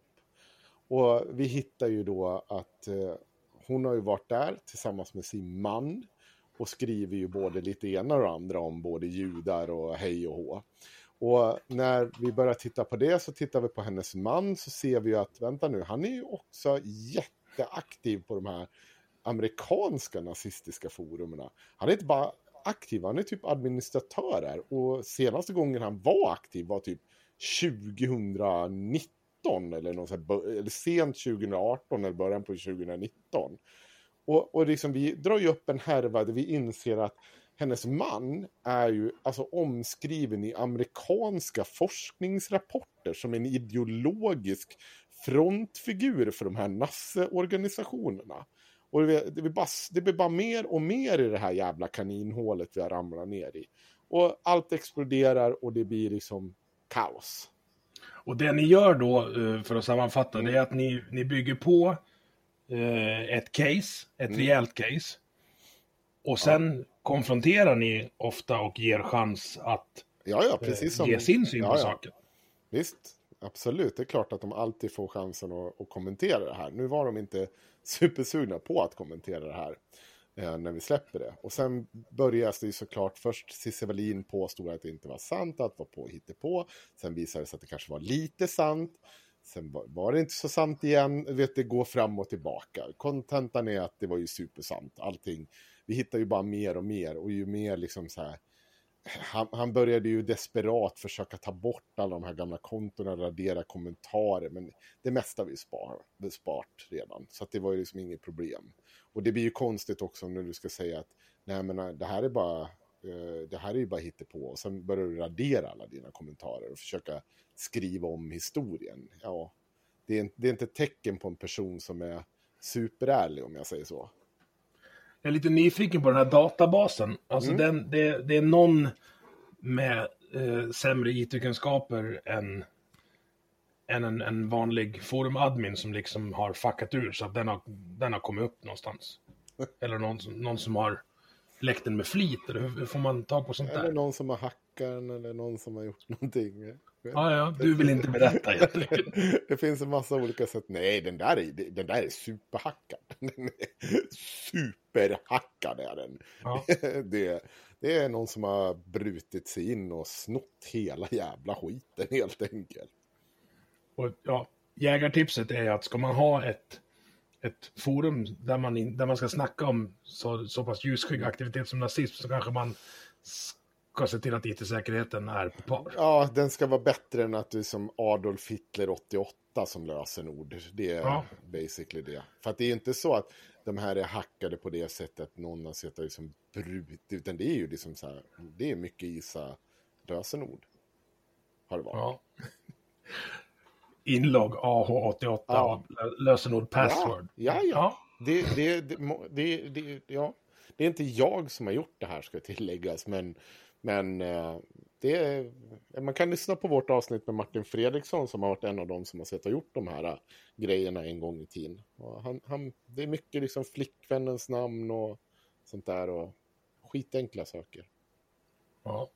Eh, byt lösenord på allting ni har där ute ifall ni är rädd för, för, för att Henrik ska komma och jaga. Ja, men det har inte jag gjort. Jag kan säga så att det var inte kunskap nog och sånt. Och sen det är lite så här vanskligt om vi skulle göra det. Att vi först skulle bryta oss in i någon på ett olagligt sätt och sen göra journalistik av det. Det tror jag skulle gå lite över vad vi kan stå för. Eh, mm. Kanske inte i alla sammanhang att vi moraliskt sett skulle tycka att det var något problem om någon nasse får något, men någonstans här, det skulle inte bygga på trovärdigheten för vår grej och jag tror att det är bättre att det, det, här är ju gamla databaser som har läckt för länge sedan. Eller och liksom blivit hackade och så. Det, det, är inget fel att vi tar del av den informationen i efterhand. Det, det finns det inget. Men, men att själv börja begå olagliga handlingar och sen... Det, det är ju alltid tveksamt. Och det får man fan ha respekt för. Mm. När du konfronterar de här då, om vi tar Engelvinge som senaste exempel. Mm. Hur känns det precis innan du ringer upp? Eh, jag, har en, jag har en hot take på det också, men jag vill höra ditt svar först. är inte bättre att du säger ditt, vad du tror istället? Ja, Börja det där. kan jag göra. Ja. Jag, jag får bilden av dig som att du är en eh, verbal eh, kampsportare. Mhm. Du, vet, du vet att du kan det här. Du kan ringa upp och kliva på så in i helvete. Mm. Och när man, när man upptäcker eh, kvaliteter hos sig själv så vill man ju använda dem. Mm. Alltså det, jag, jag får känslan av att du graviterar mot situationer där du får liksom användning för din förmåga att trycka till. Kan det Ja. stämma? Eh, halvvägs. Jag, jag skulle säga att jag, om, om man har lyssnat på allting jag gör så, så hör man, alltså ofta, jag har ju valt områden, eller vi är ju inne i områden som är väldigt, väldigt speciella. Det är speciellt, nu Ängelvinge får vi ju inte tag på, men det finns ju andra situationer när någon som typ har, om vi säger att det, det var någon från Borlänge som satt och la ut bilder på vad fan var det han la ut på så här? Jag tror att det var så här, någon död och våldtagen kvinna. Som han satt och skickade till. Jag kommer inte ihåg vem fan det var han skickade till på Twitter helt öppet. Han Ingen som hade bett om det i alla fall. Nej, verkligen inte. Eh, han betedde sig som en jävla apa. Och en sån person, när man söker upp, då är det ju liksom ingen, det är ingen snack. Då, då är det precis som du säger, då är man ju en verbal ninja. För då, då kommer man, man har ganska mycket... Folk accepterar att man går på ganska hårt. För att det finns liksom ingen, varför ska man sitta och dalta med den här typen av beteende? Eh, så länge man inte liksom sitter och hotar den här personen på något sätt, på ett väldigt otillbörligt sätt. Eh, men sen har det ju funnits andra situationer där jag inte har behövt, om du tittar på samtalet, när, vi hade ju först en stor intervju med Cissi Wallin, där vi fightas ganska ordentligt, eh, där jag blir ganska irriterad på henne. Sen gör jag ju en uppföljande intervju, för jag visste ju väldigt mycket som jag inte kunde riktigt än gå ut med vid första intervjun, som jag hade spart på. Så att eh, två veckor senare kanske ringer jag upp henne igen. Och då gör jag kanske, jag vet inte, är det en 10-12 minuter lång intervju med henne. Då är jag ju helt kolugn. Då sitter jag ju bara, då får hon ju svara. Lite bäst som hon vill. Och jag bara låter henne svara. För att ingenting det hon säger stämmer överens med verkligheten. Och vi kan be- bevisa varje ord. Så jag behöver liksom inte ta den där verbala ninja. Jag behöver bara låta henne, här får du repet. Där har du närmsta trä. Lycka till med att knyta upp det själv. Det är liksom det jag behöver göra. Och det lär man sig ju. Det lär man sig. Det är ju väl att vara lite av att vara ändå så lite journalist. Att du faktiskt lär dig ibland när, när du kan använda den här mjuka approachen och när du kan vara hård. Men jag har ju såklart, det är min profil har ju varit att jag har kört på folk. För att det har varit mycket konstiga människor som jag konfronterar med mycket konstiga saker. Ibland skulle jag önska att jag fler gånger använt den här mjuka approachen och, och försöka hitta det här repet för dem att hänga sig själv med. Som man kan se mycket bättre journalister som Niklas Orenius gör som kanske får till två timmar intervju med en person. Och han får liksom intervjua i princip alla. Det får inte jag. Det, det, det får jag inte. Men, men samtidigt så jag, jag jobbar nog med mycket snabbare journalistik och jag vet inte. Jag får ju de resultaten ofta jag vill ha också. Så jag, jag har ju kul. Så det, ja. Ja, och du skapar, du skapar underhållning. Alltså, jag har inte sett haveristerna som så mycket satir som du säger. Jag har nog sett och lyssnat på att ni är allvarliga hela tiden. Nej, men, jag- har, har jag gjort bort mig då? Ja, alltså framförallt i delen, alltså så här, satiren tror jag är hur vi kommenterar samhället, hur vi kommenterar olika skeenden, hur, hur vi kommenterar... Det finns ju något så här, bara att vi har liksom en t-shirt, vi säljer en t-shirt där, där Axel säger, vad fan är det han säger? Jag ska ta upp den här, jag har ju faktiskt det framför mig. Vänta. Jag, jag på att skratta när jag ser den varje gång. Uh, här är han. jag blir glad när jag ser den här. Jag är en släthjärnad jävla sälkut. Han säger ju det om någon. Och det är ju inte så här... Han, ja, vad fan ska man säga? Det, är- det, det, det är någon typ av kränkning om en person. Men det är också ute efter något otroligt dumt som har hänt. Och satiren är väl här i hur vi kommenterar samtiden. Alltså hur, hur liksom, hur vi, hur vi pratar kring den. Det, det kanske, jag vet inte, du, om vi kollar på svenska nyheter, de kanske gör så här längre utspel och längre talor där det kommer till en punchline. Medan vi är mer så här rappa kommentarer till olika delar i en text. Ja, ni, alltså, jag skulle säga att ni är mer raljanta än satiriska, men jag, jag ja, men, kan... Ja, men det är såklart, absolut. Men eh, det, raljans och satir kan ju vara samma sak också. Ja.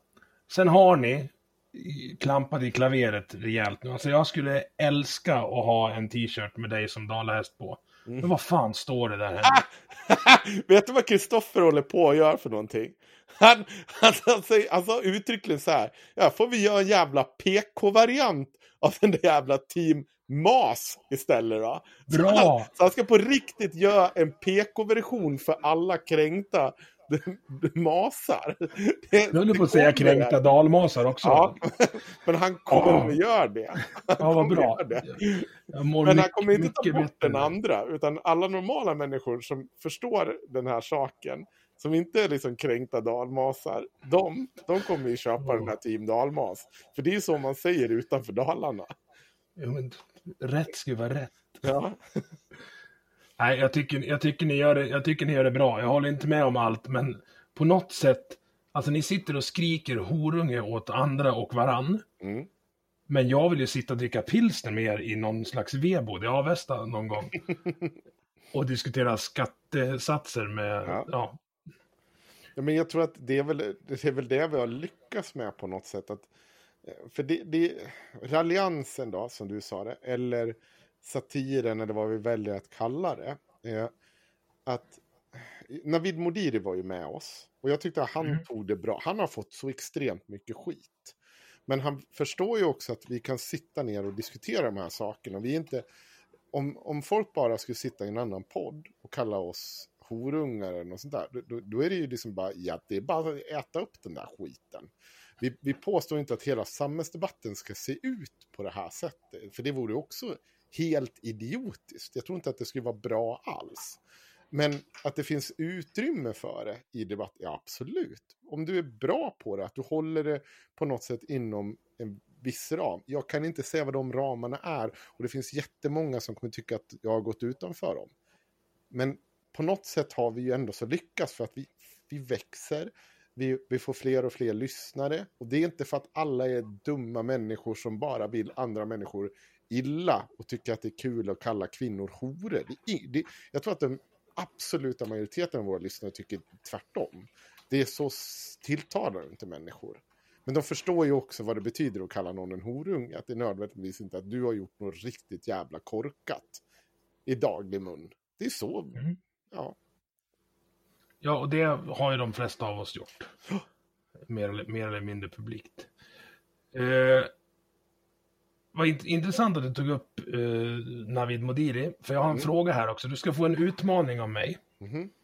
Du, ska få, du ska få fem namn från mig. Mm. Och så ska du klassificera vem av dem som är dummast. Törs du det? Ja, ja. Hundra procent. Ja. Eh, per Gudmundsson. Rebecca Weidmo Hanif Bali, Navid Modiri och Ivar Arpi. Väl.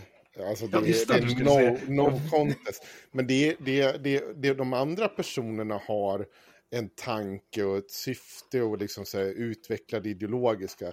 Jag skulle säga att jag kan nästan rangordna dem därefter.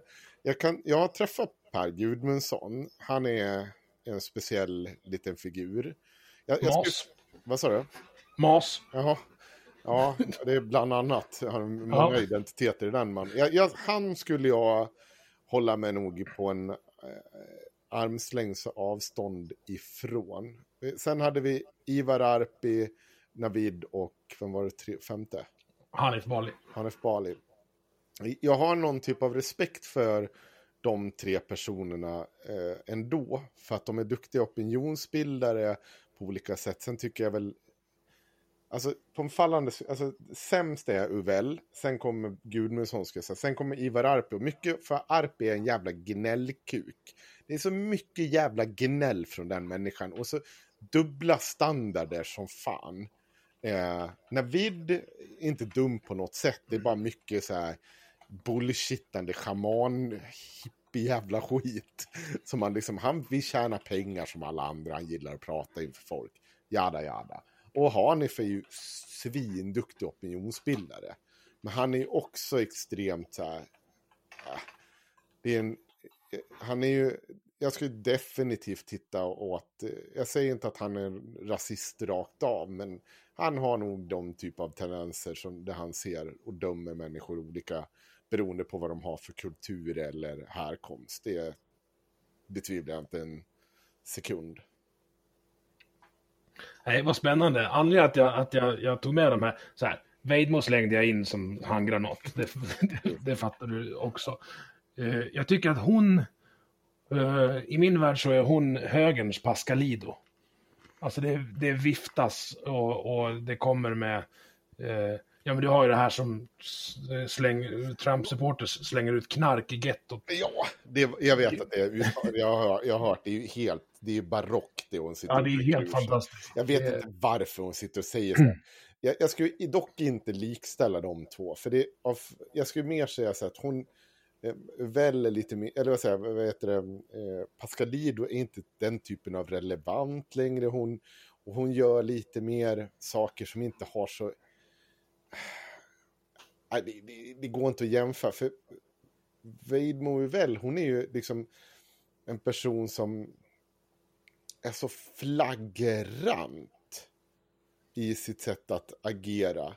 Jag tror ju till exempel, om vi, om vi tar ett sånt uttalande som, jag tror inte hon någonsin har upprepat det här, vad heter hon, Eh, Alexandra. Alexandra, efter att hon säger, jag tror att hon fick nog skit och fattat att det här var det dummaste jag har sagt. Och så, så liksom pratar vi inte om det där tråkiga igen.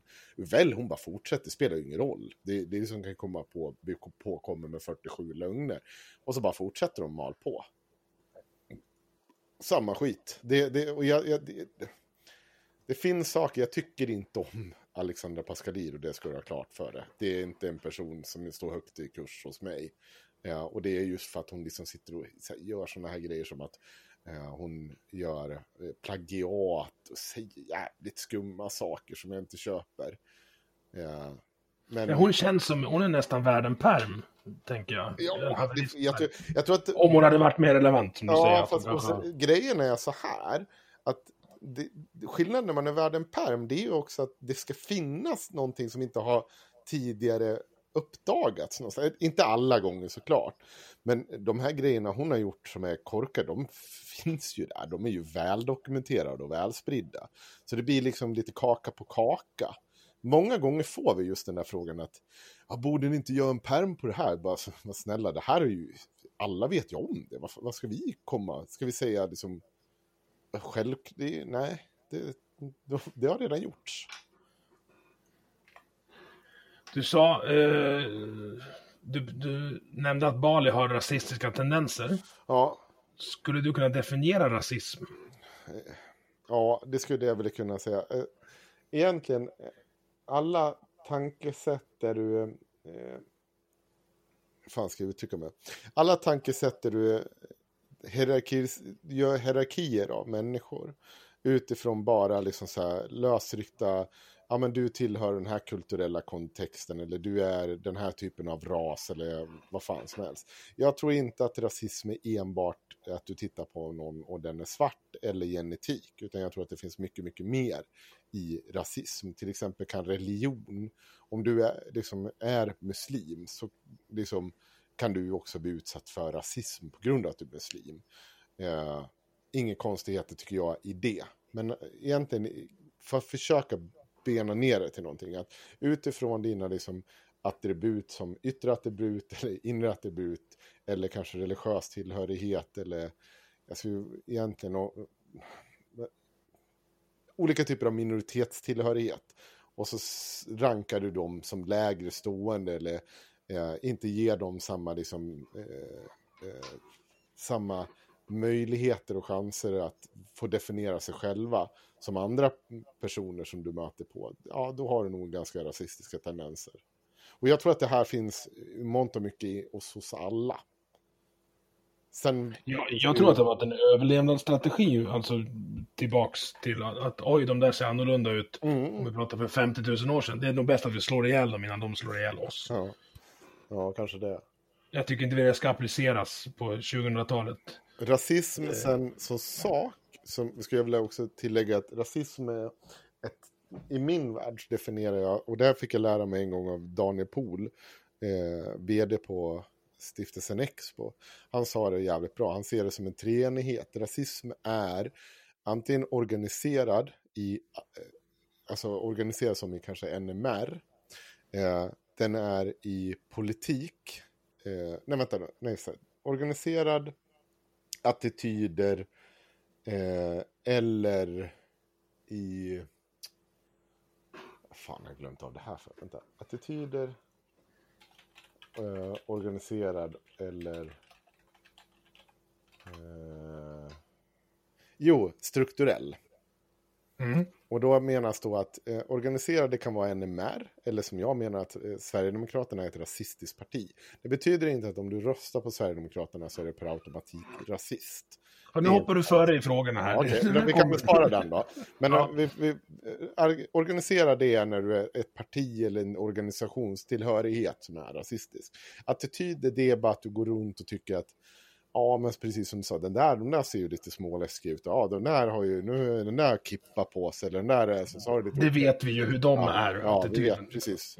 Och, och eh, struktur, det är när staten, alltså att det, det kanske ger ja, men som det oftast diskuteras, det kommer ut en sån forskningsrapport tror jag, en gång om året, eller ja, jag kommer inte ihåg hur ofta den är, som, som brukar visa att de gör från universiteten, att de skickar ut eh, en bunt ansökningar Eh, och det enda som skiljer de här ansökningarna åt är att det är ett svenskt namn kontra ett utländskt namn.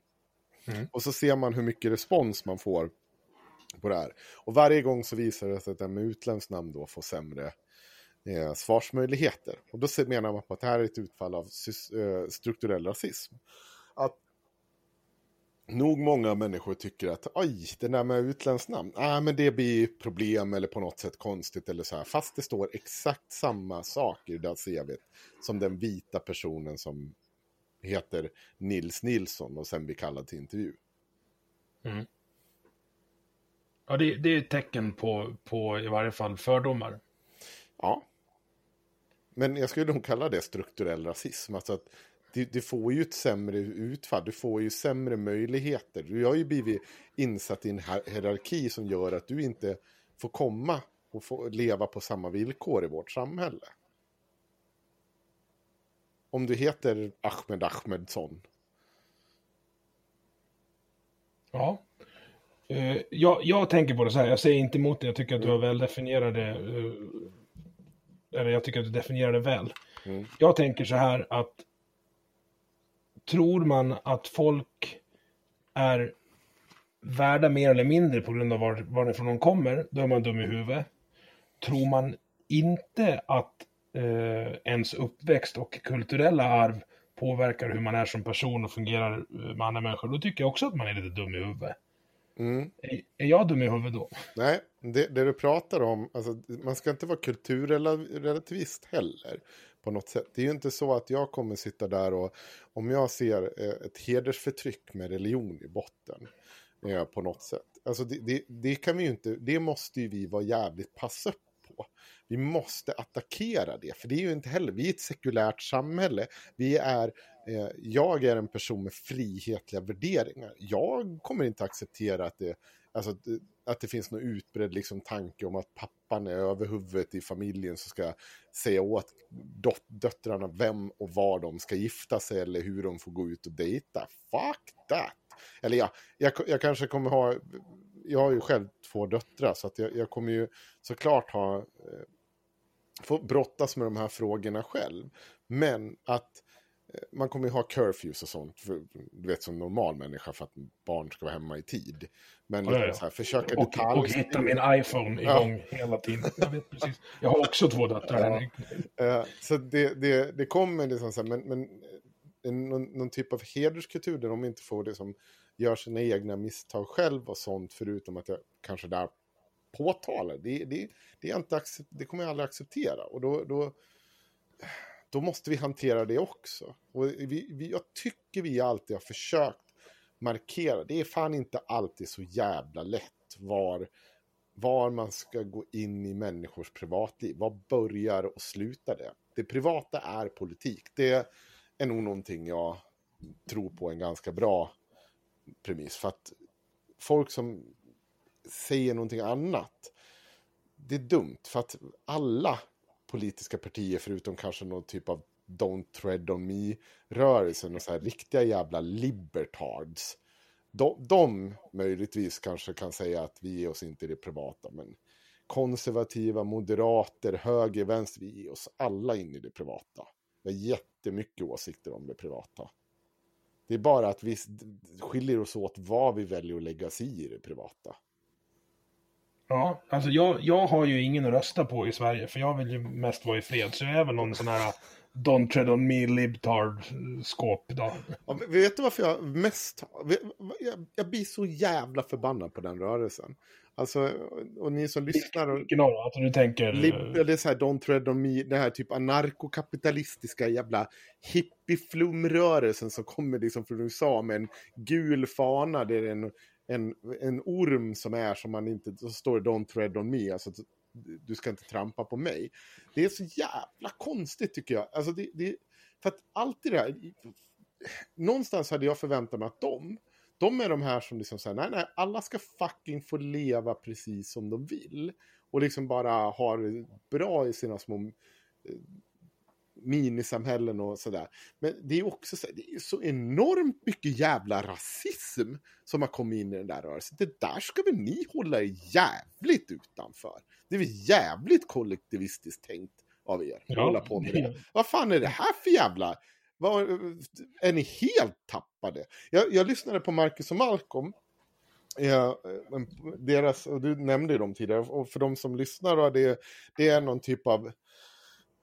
Ja, jag, jag, vet, jag, vet, inte vad det är. Nej, säga det. Alltså, kvasi-intellektuell, kallar sig själv kommunister, men egentligen skulle jag mena är extremt jävla mycket ute på högerkanten idag. Men de använder sig av massa marxistiska och fina begrepp pratar de om. Men då säger de något så jävla konstigt. När de gör sin analy analys av vad som händer vid Kapitolium, då har de en idé om att den nya revolutionära klassen, det är liksom de här Trump-supportrarna. Och det de menar är att det, resten av det politiska etablissemanget inte har förstått, det är att den här klassen, det är inte klassisk marxistiska att nu ska högafflarna fram och nu ska vi störta kungarna och, och liksom bli vårt eh, härliga lilla kommunistiska kollektiv. Utan de menar på att ja, men det är det här som är det nya. Det är det här som är det nya revolutionära. Och, och, orsaken till att de begår den här revolutionära handlingen det är ju för att de får inte tillgång till sjukvård, de får inte tillgång till de här grejerna i USA, de får inte nog av allt det här. Så man bara, men snälla era jävla stolpskott, såg ni att, såg ni inte att de här jävla människorna som stormade upp i Kapitolium, de hade de här jävla Don't Tread On Me liksom flaggorna med sig. Det här är inte människor som vill ha Obamacare eller att staten ska vara inne och pilla i någonting och ge oss en massa bidrag. Det här är människor som tvärtom, de lever i den otroligt kapitalistiska vanföreställningen där alla män är sin egna lilla ö som ska skydda sin lilla familj och de kan sitta med hela häcken full av cancer och fortfarande säga nej nu staten ska inte komma här och lägga sig, jag ska klara det här själv. Ja, klarar du av det här med din familj då? Nej. nej men staten ska inte lägga sig i det här.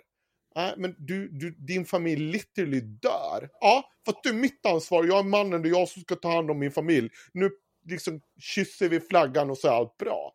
Och det, det, fattat USA, det är ett land där faktiskt en extrem kapitalistisk och individualistisk dragning finns. En så, så pass extrem att den faktiskt skulle kunna skapa olika typer av försök till att ta över makten med våld. Det är därför det har bildats miliser. Det är inte, det är inte liksom marxistiska miliser som vill införa eh, allmän sjukvård. Det är folk som vill att du ska ge fan i allt sånt. Allt sånt ska bort. Vi ska klara oss själva, du ska inte komma här och du ska inte ta mina vapen. Det är liksom basic, det är it. Nu mm. gick jag på en rant. Det är bra det. Alltså det, I min värld, så om han sitter där med hela röven full i cancer, ja men då är det väl darwinism då om du inte vill ta emot statens sjukvård. Ja. Dö, dö då! Ja. Men tur, tur att du inte kollade min Twitter-profil innan du gick med på det här. Jag har ju pastischen på den då, No ja. Step On Snek. Ja, okej.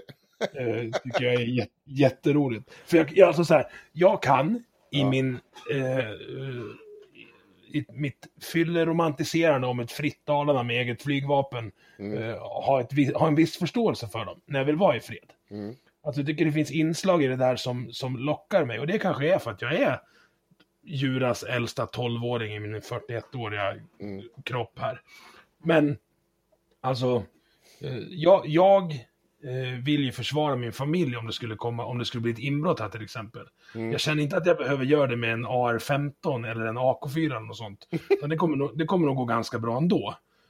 Eh, däremot kan jag köpa, jag hade faktiskt ett samtal med Jens Rundberg här om just det. Mm. Och sen har jag pratat med Per Bjurman och då var det ju helt omöjligt att inte komma in på, på eh, Kapitolium-händelserna och han Buffelhorns eh.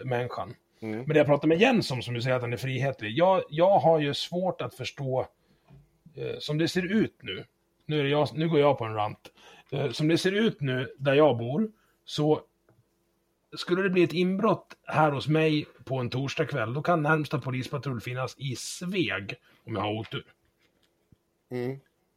Eh, jag kommer förmodligen klara upp inbrottet rätt bra, men jag har en änka som bor längst in på grusvägen här. Mm. Hon har inte en chans om det, om det kommer in två, två män. Då är hon körd.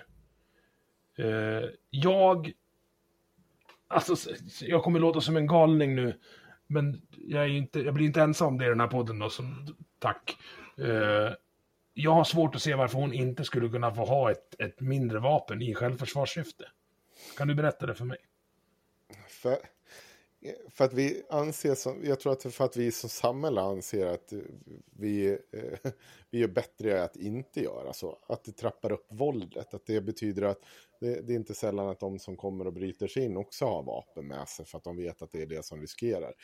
Om, om brottsligheten hade försvunnit med mängden vapen så hade USA varit ett föregångsland. Men nu är de ju ja. inte det. Nej, det förstår jag. Så jag, jag förstår den här enkans uh, önskan om att nej, nej, nej. Hon, hon vill inte ha något vapen. Jag har nej, försökt att prata med honom om det. Men jag tror inte att det är liksom så här... Det, det, det, är för alldeles för, man måste komma ihåg hur sällan det sker i Sverige. Och att göra den typen av ingrepp i, när vi liksom trissar upp vapeninnehavet. Alltså vi har gott om vapen i Sverige. Det, det är inte... Ja, ja. Det, men det är, är studsare och hagelbrakare, det är ja. ingenting för självförsvar. Nej, och jag, jag, vet inte, jag tror att det är nog bäst så att vi inte har det. För att eh, jag vill inte att en bunt människor ska liksom... Om du ska använda ett vapen i självförsvar, då vill jag nog fan att du mer eller mindre ska vara lika utbildad som polisen är. Och det är inte någon gå med på. Det kommer inte ske. Och det är, det är en stor grej att göra också, börja skjuta. Jag, jag har sagt det med någon gång med, med eh, tror det var, kan det ha varit Hanif Bali som började prata om det här med att eh, eh, folk som blir jagade på moppe, polisen inte får få, jaga någon på moppe. Om, eh, och han tyckte att det var ett helvete. Och då sa jag så men vad fan, vad händer om vi liksom låter polisen, jag kommer ihåg, jag vart ju jagad på moppe en gång i tiden. Vi drar iväg på våra moppe, nu var min moppe som jag körde på när jag får det här jaget, jag och en polare, hans moppe går i 80. Den jag sitter på går 50. Jag lyckas ta mig undan polisen för att jag, jag gör en så här snygg double back. Alltså att jag åker liksom så att jag kommer upp bakom polisen typ. Mm. Ja, och min polare bara drar iväg liksom i 80 kilometer i timmen på moppe. Allt han har på sig en hjälm och har liksom ett halvårs träning på att köra moppe. Och ja, bromsar som är dimensionerade ja, för 30 km i timmen. Ja. Liksom, vad är det värt att jaga en trimmad moppe? Om den här, för det första om det här går åt helvete, den här ungen dör. Ja, då har vi kanske två poliser som är ska, skadade för livet. Alltså, det, det mm. finns så jävla många effekter. Och då säger han så, men, ja men vi ser att de utnyttjas här för att uh, köra knark och kanske köra vapen. Jo, men vet du vad? finns, det finns också undantag för att du får. Om det liksom är någon sån här, det sticker någon jävel som just har skjutit ihjäl två personer. Det är bara för polisen att åka efter. Det går att komma runt där. Det, ja. Vår lagstiftning har det utrymmet. Det är inte där problemet ligger. Vi, det, det, är en frustration hos en viss mängd poliser i vissa utsatta områden som jag har full förståelse för. Men om vi börjar, vad händer då? Vad riskerar vi? Vad kommer vi ha vunnit på det här? Jag tror inte att vi har vunnit så jävla mycket på det. När vi har kört ihjäl tre snorungar som stack med ett kilo hash. Var det värt det?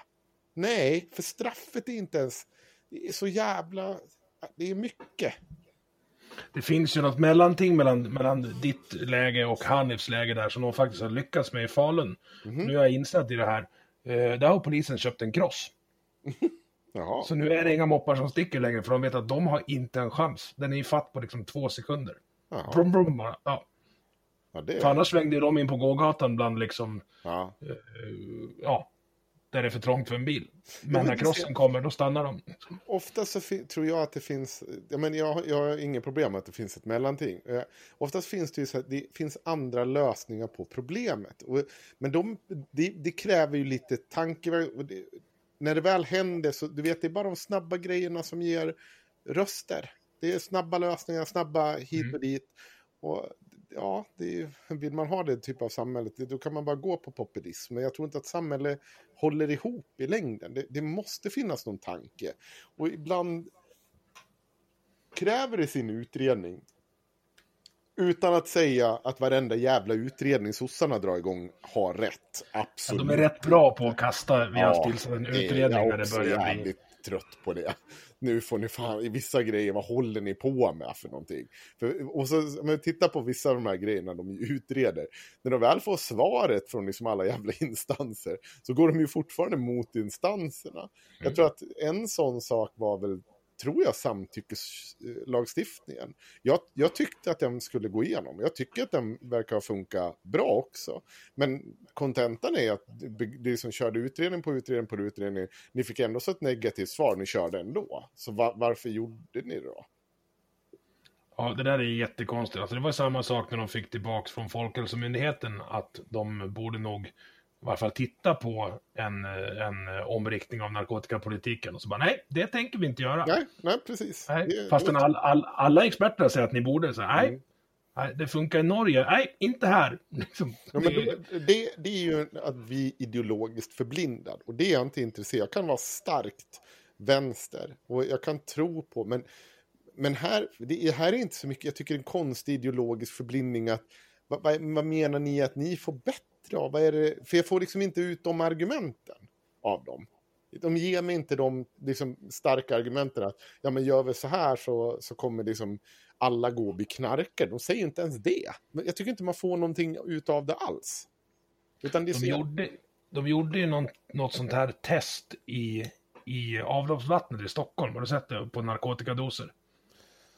Ja, jo, jo, i Gävle. Jag tror att det till och med var i Gävle man började till och med. Jag vill säga en kvarts miljon ja. Mariana-doser på en dag i Stockholm. Ja, de gör, jag vet att i Gävle gör de det där testet efter, vad fan är det, hemvändande? Det är något sånt där runt jul och någon gång till. Och de ser ju att det där ökar hela tiden. Ja, men du har varit i Gävle va? Det är klart folk knarkar om de ja. bor i Gävle. ja, visst. Nej. Ja. Nej, men alltså, det, och det var det. Och det roligaste i den där undersökningen, det var vilka veckodagar det var. För det tycker jag jag kunde utläsa eh, när man behöver vad. Kokain var ju på helgen. Mm. Men hasch, det var på tisdagar. För då har folk jobbat två dagar och bara, jag orkar inte med det här skiten längre. Mm, jag ska börja du, röka gräs. Ah, nu, har vi, nu har vi pratat populism, vi har pratat rasism, vi har pratat vänster-höger. Mm. Då kommer vi in på Sverigedemokraterna. Mm. Vart sätter du dem på höger och vänsterskalan till att börja med? Eh, bortanför Moderaterna. Eh, det lite beror på eh, både bortanför och innanför Moderaterna, beroende lite på vad du menar. I konservativa och eh, olika typer av ganska ordentliga omstörtande värderingar så har de ju varit bortanför Moderaterna. Men sen är de ju ganska snabba på att vika sig för en billigare ekonomisk politik som kanske ligger mer åt vänster om det så funkar för dem. Eh, Eh, men om vi tittar på när de kommer in i riksdagen och hur de har hållit på, alltså så här, de inskränkningar de gör i arbetsrätten eller rätten att organisera och sånt, det är ju bra mycket mer att ta i än vad Moderaterna kanske har vågat sig på de senaste 10-20 åren. Där, där jobbar man på i lite lugnare takt för att förändra det där. Jag som är frihetlig och anser mig att, att höger är liksom individuella eh, delen av skalan, tycker inte alls de hör hemma där. Nej, alltså men, de, det är de mest kollektivistiska vi har. Men det är ju för att du säger frihet.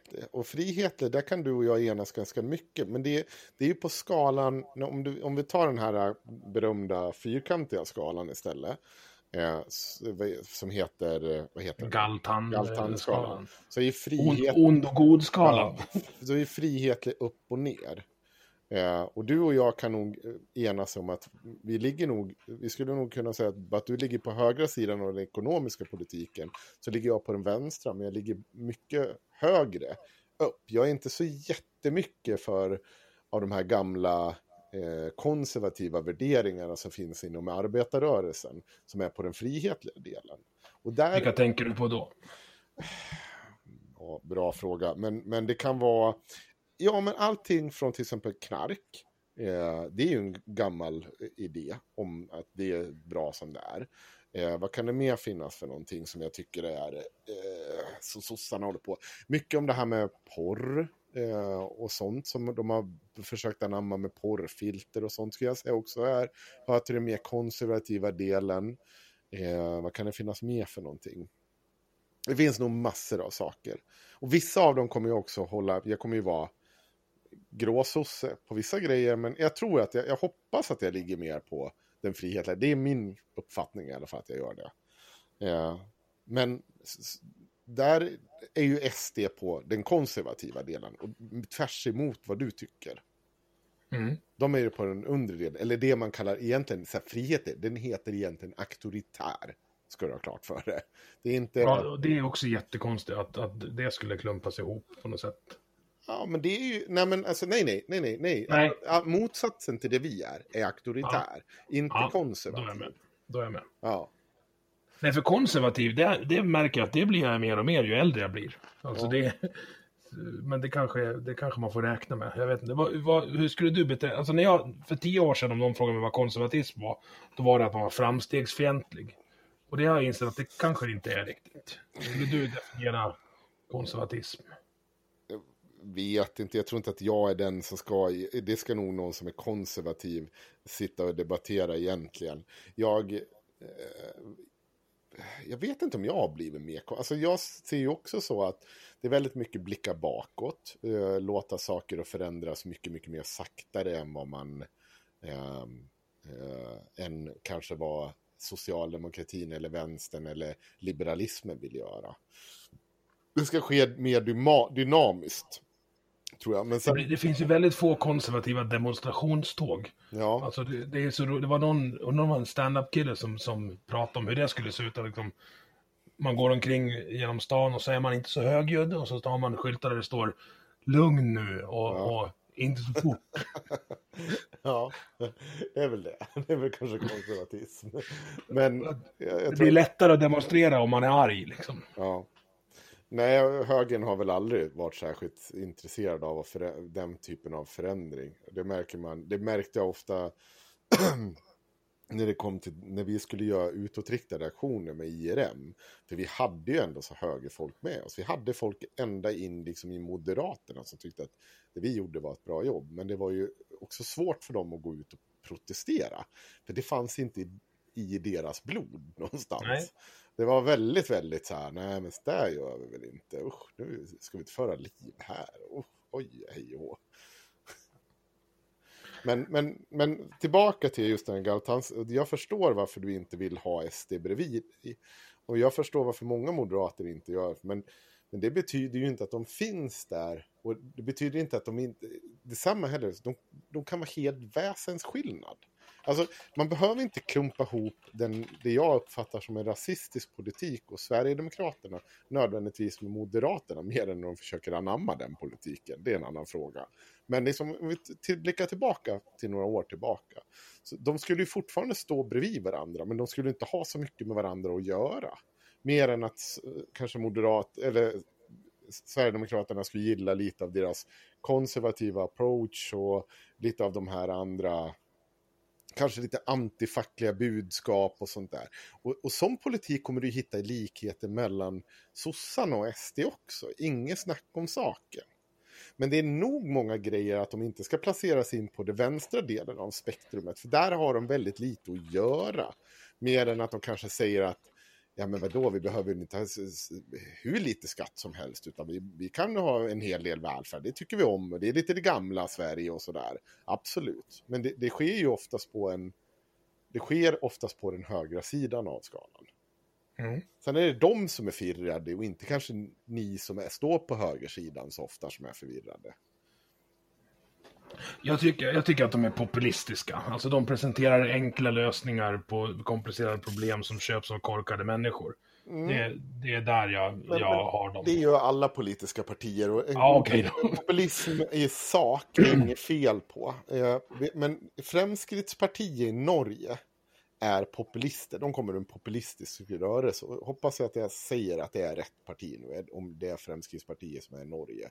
Ja, men det tror jag. Ja. Då har vi fel bägge två. Ja, de, de, men de är populister i alla fall. För de kommer ur en populistisk ekonomisk politik där de har haft en massa sådana typer av enkla slagord. Sen anammade de lite av den eh, liksom högervåg som kom när det kom med invandring och sånt och har liksom byggt in det. Sverigedemokraterna kommer ur en rasideologisk miljö. Det måste man komma ihåg. De kommer ur eh, olika typer av grundare som fanns med i vitmaktrörelsen och, och und so weiter, ont so weiter. Sen har de byggt in, såklart, de är ju väldigt duktiga på att svänga efter vad eh, som populister gör. Men i grund och botten så står de på en rasideologisk miljö eh, medan norska motsvarigheten står på en populistisk miljö och sen har de tagit in det andra eftersom. Mm. Men gör de det, du menar att de gör det idag? Eller är det rötterna Nej, som de, aldrig går ur? Var de, kommer, var de kommer ifrån. Och jag menar inte att rötterna skulle mycket väl komma ur, men det, det, gå ur dem. Men jag tror att de skulle bli relevant som parti om rötterna gick ur dem. Om stora delar av de här grejerna försvann. För jag tror att man också kan vinna poäng och politik. Alltså, man kan vinna val på att vara en rasist. Det är inte omöjligt. Vi ser det 2020. Vi kommer se det 2021. Det, det kommer inte vara ett problem. Du kan göra det. Men sen, än en gång. Sverigedemokraterna, om du röstar på Sverigedemokraterna, är inte lika med att du är rasist. Så funkar det inte. Jag menar bara att mm. det är svårt att sitta och hävda att en person som har gått igenom och ursäktat all den rasism som har funnits, som Jimmy Åkesson har gjort, jag vet ju så mycket historier, både offentligt och inte så offentligt, som har hänt. Jag menar, hur de har betett sig privat, vad som, alltså det finns så mycket att du kan inte fortsätta ha den typen av ledning och hävda att du inte har liksom ett, inte har ett, eller inte har eh, liksom ett okej okay för rasism. Det är bara beroende på vem det är och hur det skadar partiet. Det är mm. problemet för dem snarare. Nej, för det här narrativet att Jimmy inte visste vad det var för parti han gick med i. Det, ja, vem som helst med en halv hjärncell fattar jag att det måste han ju ha vetat. För det är inget dumhuvud, Jimmy Åkesson. Det måste vara klart för oss också. Ja. Alltså det är, eh, jag tror inte att han är ond heller. Du vet, jag tror att alla, alla som engagerar sig politiskt gör det för att de vill att folk ska få det bättre. Sen är frågan vad de definierar som folk. Mm. Jo, så kan det. Alltså, de, de har ju, vad vi, jag har alltid beskrivit dem som att de har en inkluderande eh, nationalism. Så är det ju. Hur definierar du den då? Eh, att de, de är väldigt duktiga på att ta in människor med till exempel utländsk bakgrund. Så länge man kan liksom vinna poäng på det eller att de har, står för ungefär samma värderingar som Sverigedemokraterna gör. De har inte problem med om du heter eh, Mohammed Omar och eh, är liksom gammal muslim. Så länge du säger att vi kan inte ha så här mycket muslimer i vårt land. Så ja, men kom här, häng med oss, det är skitbra, toppen. Du får politiska uppdrag omedelbart. De är ja, de jätteduktiga på att sätta låga trösklar för sina politiska alltså politiskt aktiva. Det har de varit hur bra som helst. Men det är också... ah, inte, inte hur bra som helst, för du har han eh, Levi Klausen, va? Och, och alltså, du, det, det finns ju en del sköna exempel på folk de har fått in, i varje fall på kommunal nivå. Nej, men du missuppfattar mig. Eh, De, alltså, det jag menar precis det, att de, de har haft så låga trösklar så att vem som helst har kunnat bli med. Alltså att, ja, ja, jag tyckte också att de var bra på att ta in folk. Eller ja, det kanske de är. inte bra på att ta in folk. Det är, då hade de inte haft, hade inte jag kunnat fått 100 till kanske 200 personer uteslutna ur det där partiet. Det, är, det är inte liksom, utan det, jag säger att de har låga trösklar så att vem som helst kan komma och bli med i partiet. Det är inga större problem. Det jag kokar ner till då, alltså jag tyckte det var jättekul att titta på de här dårarna de tog in. För här, lite lyteskomik var det ju. Mm. Har du sett den, de musikvideorna han från Karlstad gjorde? Eller mm. Filipstad? Ja, ja. Han som hade varit nazist. Absolut. Alltså det, det, de rullade mycket på förfesterna där kring, kring 2009. Mm. Uh, det jag inte förstår är när, när, alltså när de växer, de har ju växt med, alltså de har ju växt rejält val mm. för val för val. Mm. Att de andra partierna inte tittar på, på de här dårarna, alltså de här, de här dårarna har, ja du har jagat fram dem och all, alltså journalister alltså. Men ändå väljer folk att rösta på dem hellre än på mig.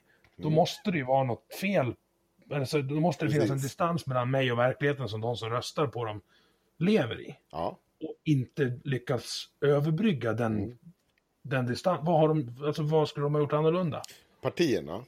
Ja. Uh, ja, oj, det är mycket.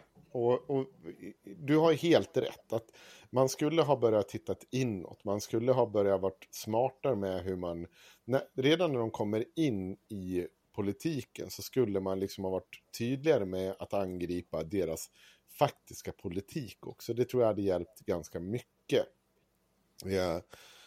Eh, och det jag förespråkar, jag kan, jag kan ge ett superexempel. Jag fick ett samtal för nu ett gäng med år sedan. Det här, jag ska titta vilket, när det är. Vänta, Ibrahim. Nej, vad heter han? Nej, nej, nej, nej. Vad heter han, sossen som är eh, vår minister för Um, Ardalan Shekarabi? Ja, precis. Ardalan Shekarabi. Um, Jimmy Åkesson Uppsala. Jag ska se vilket år det är.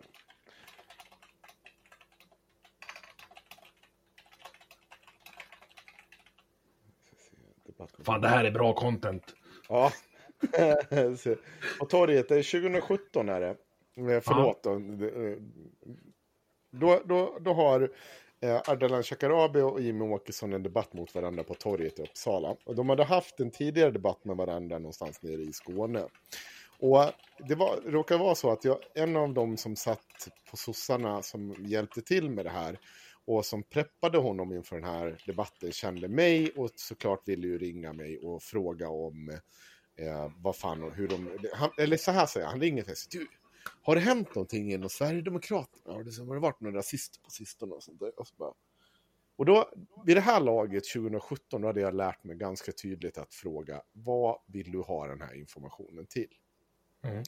Och ganska snart kröp det fram då att han skulle, han frågar för att de håller på att förbereda Ardalan för den här debatten i Uppsala. Och då frågade jag, alltså, men vad ska debatten handla om? Ja, då var det typ välfärden som det ska handla om. Jag bara, okej. Okay. Prata välfärd då för helvete. Ja, ja men precis, så här, vänta nu. Så du, du ringer alltså till mig här och vill ha, veta om eh, Sverigedemokraternas rasism när ni ska prata om välfärd. Så det du ska, vad ska du säga då till Jimmie Åkesson? Ska du stå där och säga att han är rasist på grund av att den här personen har sagt det här och det här? Istället för att prata det som ska vara sossarnas paradgren, det vi ska mm. vinna varje val på, det vi ska vara bäst på, det vi alltid har liksom så här, det, alltså det, det, vi tycker och faktiskt folket ofta tycker att vi är bäst på när man gör de här mätningarna. I den situationen, då ska du inte prata om det, utan då ska du prata om Jimmie Åkessons rasism. Är det verkligen rimligt? Det? Och då, nej, nej, Säger den här killen då. Ja, nej, precis sa jag då. Att det, det låter ju superkonstigt att, att göra på det sättet tyckte jag. Eh, då är det väl bättre att du fokuserar på välfärd och liksom de frågorna. Och så hade vi ett längre resonemang där jag sa att men så här kan vi inte hålla på. Vi måste möta deras politik. Sen, utöver det, kan vi möjligtvis också påtala att, vet du vad, men det är också så här problemet att de kan inte hålla rent mot rasism. Och de två kombinationerna är livsfarliga när de inte liksom har koll på sina välfärdsfrågor och inte förstår hur man måste göra fördelningspolitik för att så många som i Sverige som bra eh, ska må så bra som möjligt. Och att det faktiskt bygger på att även om du heter Ardalan eller vad, vad du nu har för utländsk bakgrund så måste du kunna bli inkluderad på samma sätt. För om vi inte gör det så kommer det leda till splittring. Men du måste först kunna säga att vi ska skapa de här jobben, vi ska möta de här utmaningarna, vi ska göra så här och så här. Ja, det måste du kunna förklara. För annars blir Jimmy Åkesson bara den som står och säger men vadå? Jag vill förbättra välfärden. Och så säger Ardalan, ja men du är rasist. Ja, mm. fast vi är ju här för att jag vill ju göra så här och så här och så här. Och men du är ju rasist. men det är ju ingen som kommer lyssna på Ardalan i slutändan. Framförallt inte 2017, vilket är sju år efter de först kommer in i riksdagen. Så att det var faktiskt så att man gick på vad jag sa då. Man tog tillbaka hela frågan dit och bestämde sig för att helt fokusera på välfärdsfrågan. Och den debatten gick bra för Ardalan. Så bra det kan utifrån den politikern han är. Eh, bättre än att han har stått och sagt tvärtom. Så det är jag ganska stolt över att vara. Och jag tror att det är det där som lite också har blivit grejen. Att ingen, det tog alltså sju år. Och vi var många som sa det här till dem. Ni kan inte bara göra så här. Ni måste vara tydligare med vad ni vill och vad ni, liksom allt det här. Ni kan inte bara stå och säga att de är rasister. Det måste komma någonting därefter. För folk är inte lika insatta som vi på IRM är. Eller liksom så här, utan de, de, de vill också se resultat av politiken. Och Åkesson säger att han har dem. Och ni svarar inte på det. Och det fattade man alltså inte. Man har misslyckats med det tre val i rad. Jag fattar, har... fatt, men du, tänk efter bara. Tänk att det är från eh, sossarnas kansli, 68 man ringer, 2017, sju år efter att, att, eh, att man kommer in i politiken. Där och då ska en minister för första gången liksom sätta sig och möta Åkesson i en offentlig debatt. Och det är först då man bara, ja ah, just det, vi kanske skulle prata om de frågorna vi är bra på. För man lät ju dem komma undan med det, som du säger. Alltså de, de har ju kunnat, i och med att de inte har inkluderats i någon slags beslutsprocess mm. sär, särskilt ofta, så finns det ingen paper trail på vad de egentligen röstar för och tycker. I alla fall inte, de, de har inte fått vara med och skriva propparna. Mm. Vilket gör att de har ju kunnat stått med blanka papper i efterhand och sagt med facit i hand. Nej, hade vi fått vara med då hade vi kunnat gjort så här och så här och så här. Mm. Och det där har ju folk köpt. Ja. Och en stor grej det var att politiken funkade så här. Man, man, la inte, man engagerade sig inte i det här att faktiskt möta dem med politik. Och det här var ett jätteproblem. Och folk har ofta varit på oss på IRM som att vi skulle kunna, nej men vi valde ju att vara opolitiska, vi fokuserade bara på rasismen. Men vi sa alltid åt, gör inte som vi gör. För vi fyller den luckan som handlar om att bevaka deras rasism. Ni som politiker, ni ska spöa dem på deras egna hemmaplan, det vill säga politiken. Där ska ni slå dem. Det, det, det är liksom som att eh, det, det, det är som att alla spelar fotboll och så har vi Sverigedemokraterna som vi, vi kan beskriva så här, de fuskar. Mm. Eh, men domaren, dom, domaren ser inte att, och publiken ser inte att de fuskar. Och så har vi oss som påtalar att de fuskar och det når en liten del av publiken. Men de på plan, om de inte lyckas, liksom så här, då kan inte bara stå och skrika att de fuskar om ingen ser att de fuskar. Då måste de ju försöka vinna på faktiskt att spela sönder dem. Det är det vad de mm. kan göra då. Och det var det man misslyckades med. Man, man gjorde aldrig det.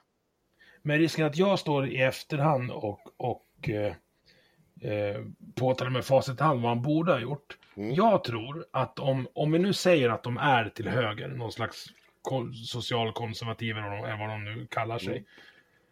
Om Alliansen hade haft möjlighet att ta in dem som ett stödparti och börja ge dem ansvar så att det fanns, fanns någon, någonting för, alltså att de började vara tvungna att ta ansvar ut mot sina väljare för de besluten de röstade igenom som faktiskt var ett verkställda beslut. då tror jag att de hade varit ett 5-6 procents parti 2010, 2014, kanske 2018. Det tror inte jag. Jag du tror, att de hade, nej, tror du att de hade växt? Jag tror, jag tror inte att det hade skett. Jag tror inte att, eh, jag tror inte att de hade... Det, lite för smarta var de dels. Alltså, för att bara gå upp i någon typ sådana fälla. Och sen så är det så här att de skulle inte ha gått med på, alltså vi skulle ha haft radikala, de skulle nog inte ha gått med på eh, den politiken hur som helst. Man tror liksom att det, det, kommer ju med konsekvenser att sätta dem i det. De ska ju ha politisk makt. Och de har ju aldrig, alltid haft en hybris att de ska ha mycket mer politisk makt. Framförallt ska de i princip all makt över invandringen. Eh, jag tror att det hade hänt en massa saker på den fronten. Man har ju pratat, alltid som Finland och samsvenskarna som någon slags politiskt föredöme här. Jag skulle säga att eh, för det första är eh, Sverigedemokraterna mycket, mycket skickligare än så. Och de har blivit mycket, mycket skickligare med sin propagandaavdelning, som vi kan kalla den, som är leds av Joakim Wallenstein. Alltså, det finns så mycket, mycket mer tanke där. Det finns så mycket, mycket, mycket mer smarta satsningar än vad något annat parti har gjort. Däremot det som börjar hända nu, det är ju att det, de tenderar ju att stanna av. De växer ju inte alls som de gjorde förut. Men de har stabiliserats kanske på en ganska hög nivå. Eh, och... Nu blir de ju svåra att ignorera. Alltså de blir förmodligen omöjliga att ignorera efter nästa val. Nej, jag tror att de kommer hamna, jag tror inte att de, jag vet vad, jag, tror, jag ska, här ska du få en förutspåelse nu så här när det faktiskt är ja, ett år och ett och ett halvt år kvar till val. Jag tror inte att de kommer växa i nästa val. Vet du vad jag, du ska få min förutspåelse, ja. jag hade tänkt avsluta med den här. Uh -huh. Jag tror att de väger in runt 19 procent i nästa val. Mm -hmm. Jag tror att de har bytt partiledare. Ja, men det, det, gjorde jag. Vet du vad? Jag drog den förutspåelsen efter förra valet. Att Fast du har, inte samma, du har inte samma partiledare som jag. Inte en chans. Dra, dra till det vildaste du kan. Vadå? Vilken, vem tror du leder partiet i nästa val? Eh, jag tror att, jaha, i deras, alltså Sverigedemokraterna? Ja. Jag tror att Henrik Gustafsson är en stark kandidat. Eh, jag tror att det finns några ur det här lite yngre gardet som är... Jag, jag var lite förvånad att Åkesson hänger kvar. Det kan de tappar också... alla väljare över 40 om de, om de gör som Åkesson. Jag tror att eh, han... Eh, de, folk tycker att ja, han är du, och Det är väldigt mycket upphäng på Åkesson i det partiet. Väldigt mycket upphäng på honom. Extremt mycket är det. Ja, men, men eh, jag tror att det blir Henrik Gustafsson Eh, vad kan det Lite av dem, de försvann ju några av de här som tänktes bli, vad heter han, Stefan någonting. Han var ju, ville ju bli efter Åkesson. Ja, och Kasselstrand och de här var väl, trodde väl att de skulle bli. Ja, det, det var ju, de var ur, de är ur, varit ur spel för länge sedan. Så att det, där blir det nog inget mer. Och jag tror att de kommer bli svårt att etableras så länge SD är så stora. Alltså, det är också en grej, det finns inte utrymme för, om jag uttrycker mig så här då, och det kommer säkert någon vända sig emot, men det finns inte utrymme för hur mycket rasism som helst i svensk politik heller. Så att det blir svårt om du har ett Sverigedemokraterna som vi säger ligger mellan 15 och 20 procent, att det då ska också komma ett AFS och trycka in sig över 4 Nej, det kommer, det kommer inte hända. Det, jag, tänkte, jag tänkte mer att Kasselstrand var kandidat mm. så länge han inte varit utslängd. Nej, det var han aldrig. Han var för Nej, illa okay. omtyckt och hade inte den... Eh, han var för radikal för eh, de andra. Om jag säger så här då, du ska, du ska få, vi kan köra På spåret. Fast du kommer ta det på 10 poäng, för det kommer en långhårig jävel i en Lamborghini och kliver ut och tillbaka mm. in i riksdagen. och du tänker då på, vad heter han, eh, nej, jag tror eh, det, det, att han skulle gå in i Sverigedemokraterna och rakt in och ta över partiet. Det tror jag är tufft. Eh, däremot så... Vi pratar alltså om Jan Emanuel, ja. Eh, före detta Robinson-vinnare och socialdemokratisk riksdagsledamot. Det, det, var en intressant tanke, men han skulle säkert kunna få tillbaka en riksdagsplats. Det, det skulle inte jag... Jag skulle inte, jag skulle inte se det som omöjligt, men sen beror det väl på mycket vad han tjänar mest på också om man kan göra allting samtidigt. Eller om det blir jag tror han har pengar så han klarar sig, tror du inte? Jag såg nu, ja, jag såg nu. Eh, det här är också sånt där som kommer göra lite ont för honom. Nu stod han, hade han ju hans son fyllt 18 ja. eller något sånt där. Ja. Och så har de världens jävla party och han står mitt i det där. Det där är inte jätte jätteuppskattat liksom när det står massa jävla snorungar och, och liksom shottar och dricker moët hur mycket som helst. Och det, det är inte, det, det är, Jante är lite hårdare än så, alltså. Det är klantigt på Dan Eliasson-nivå. Ja, det är det. Ja, och det, det, är mycket som du vet, de här människorna har ändå så haft ganska hög svansföring och liksom pratat om som jag vet andra saker. Vi ska ju ha sagt att vi ska ta med honom i podden. Och vi har ja. haft den. Jag har hans, till och med hans nummer faktiskt. Jag vet inte om han är lika intresserad av det idag, men, men det vi får vi se. Eh, men jag har, han varit väldigt kränkt när jag sa åt honom. Han satt och raljerade om hur man skulle behandla folk som eh, höll på med gäng och sånt där verksamhet. Och då sa jag så men du brukar ju gå till ett visst mc-gäng och gå på fester hos dem. Vad ställer du inför det då? Då vart han skitförbannad. Mm. jag bara, ja, men det är som så här, vad är det, är det liksom okej okay för dig att göra det? För att det är ju inte en hemlighet att det här mc-gänget är liksom klassas av polisen som kriminellt och liksom extremt aktiva inom svensk narkotikahandel eller vapenhandel eller vad fan det är. Och så, så springer du på fester där. Men, men du, har, du kan sitta här och raljera om hur ungdomar ska behandlas i förorten. Det, det känns inte helt kosher att ha den typen av dubbla budskap. Nej, nej jag, jag, jag kom på det nu när vi satt här, att jag tror att han tar över. Uh, jag, ser, jag ser det så här. Uh, eh, SD, eller Trump för den delen, är oftast symptom snarare än själva problemet. Förstår du vad jag menar då? Ja. Alltså vi har, vi har haft en integrationsproblematik som inte har adresserats rakt på av befintliga partier. Inte tydligt nog i alla fall. De som har försökt adressera den eh, har, har blivit rasiststämplade ganska hårt. Det började svänga, men då, då var det de som var svåra och rasiststämplade. Jag tänker på Sakine Madonna och Mustafa Panshiri och de här som, som verkligen blåste upp problemen. Mm. Ashkan Farros och, och ja, Navid också till, till viss del. Uh, med facit i hand då, hur borde dåvarande regeringar har, har adresserat hedersvåldsproblematiken till exempel? För, för det första eh, så skulle jag säga, jag vänder mig mot själva beskrivningen att de, de är bara symptom. De är i allra högsta grad eh, viruset som skapar problem och med integration och, och, så vidare. De är ju med och försöker stifta lagar som gör det svårare att få integration att funka. Det är bara liksom på eh, vetenskap om att du ska bara klara dig själv och bli assimilerad. Eller, alltså, det kommer inte funka i slutet. Jo, men hedersvåldet fanns ju innan Sverigedemokraterna ja, men vi, vi, kom, vi, kom, vi kommer till ja. det. Jag, ska, jag vill bara säga att det, det, finns, de kan vara ett symptom till en viss gräns. Sen är de också en del av problemet. Och det, jag menar nog att man också har varit en del av problemet. Inte med själva kanske nödvändigtvis integrationen, men nu när man försöker skapa olika typer av politiska eh, alltså att man försöker få till politiska beslut, så då kommer man bli en del av problemet. Eh, och framförallt, man är eh, en del av den retorik och den propaganda man sprider gör ju att det blir ännu svårare att integrera människor, för den skapar ju misstro oss emellan. Så då kommer vi ju aldrig möta de här människorna när de behövs. Men med det sagt så betyder det inte att, som, precis som du säger, att hederskultur och sånt annat skit fanns eh, långt tidigare. Och jag tror att man underskattade kanske hur mycket det fanns. Och jag tror att man inte har än idag hittat några bra, schyssta, smarta sätt att få ut människor ur hedersproblematiken i Sverige.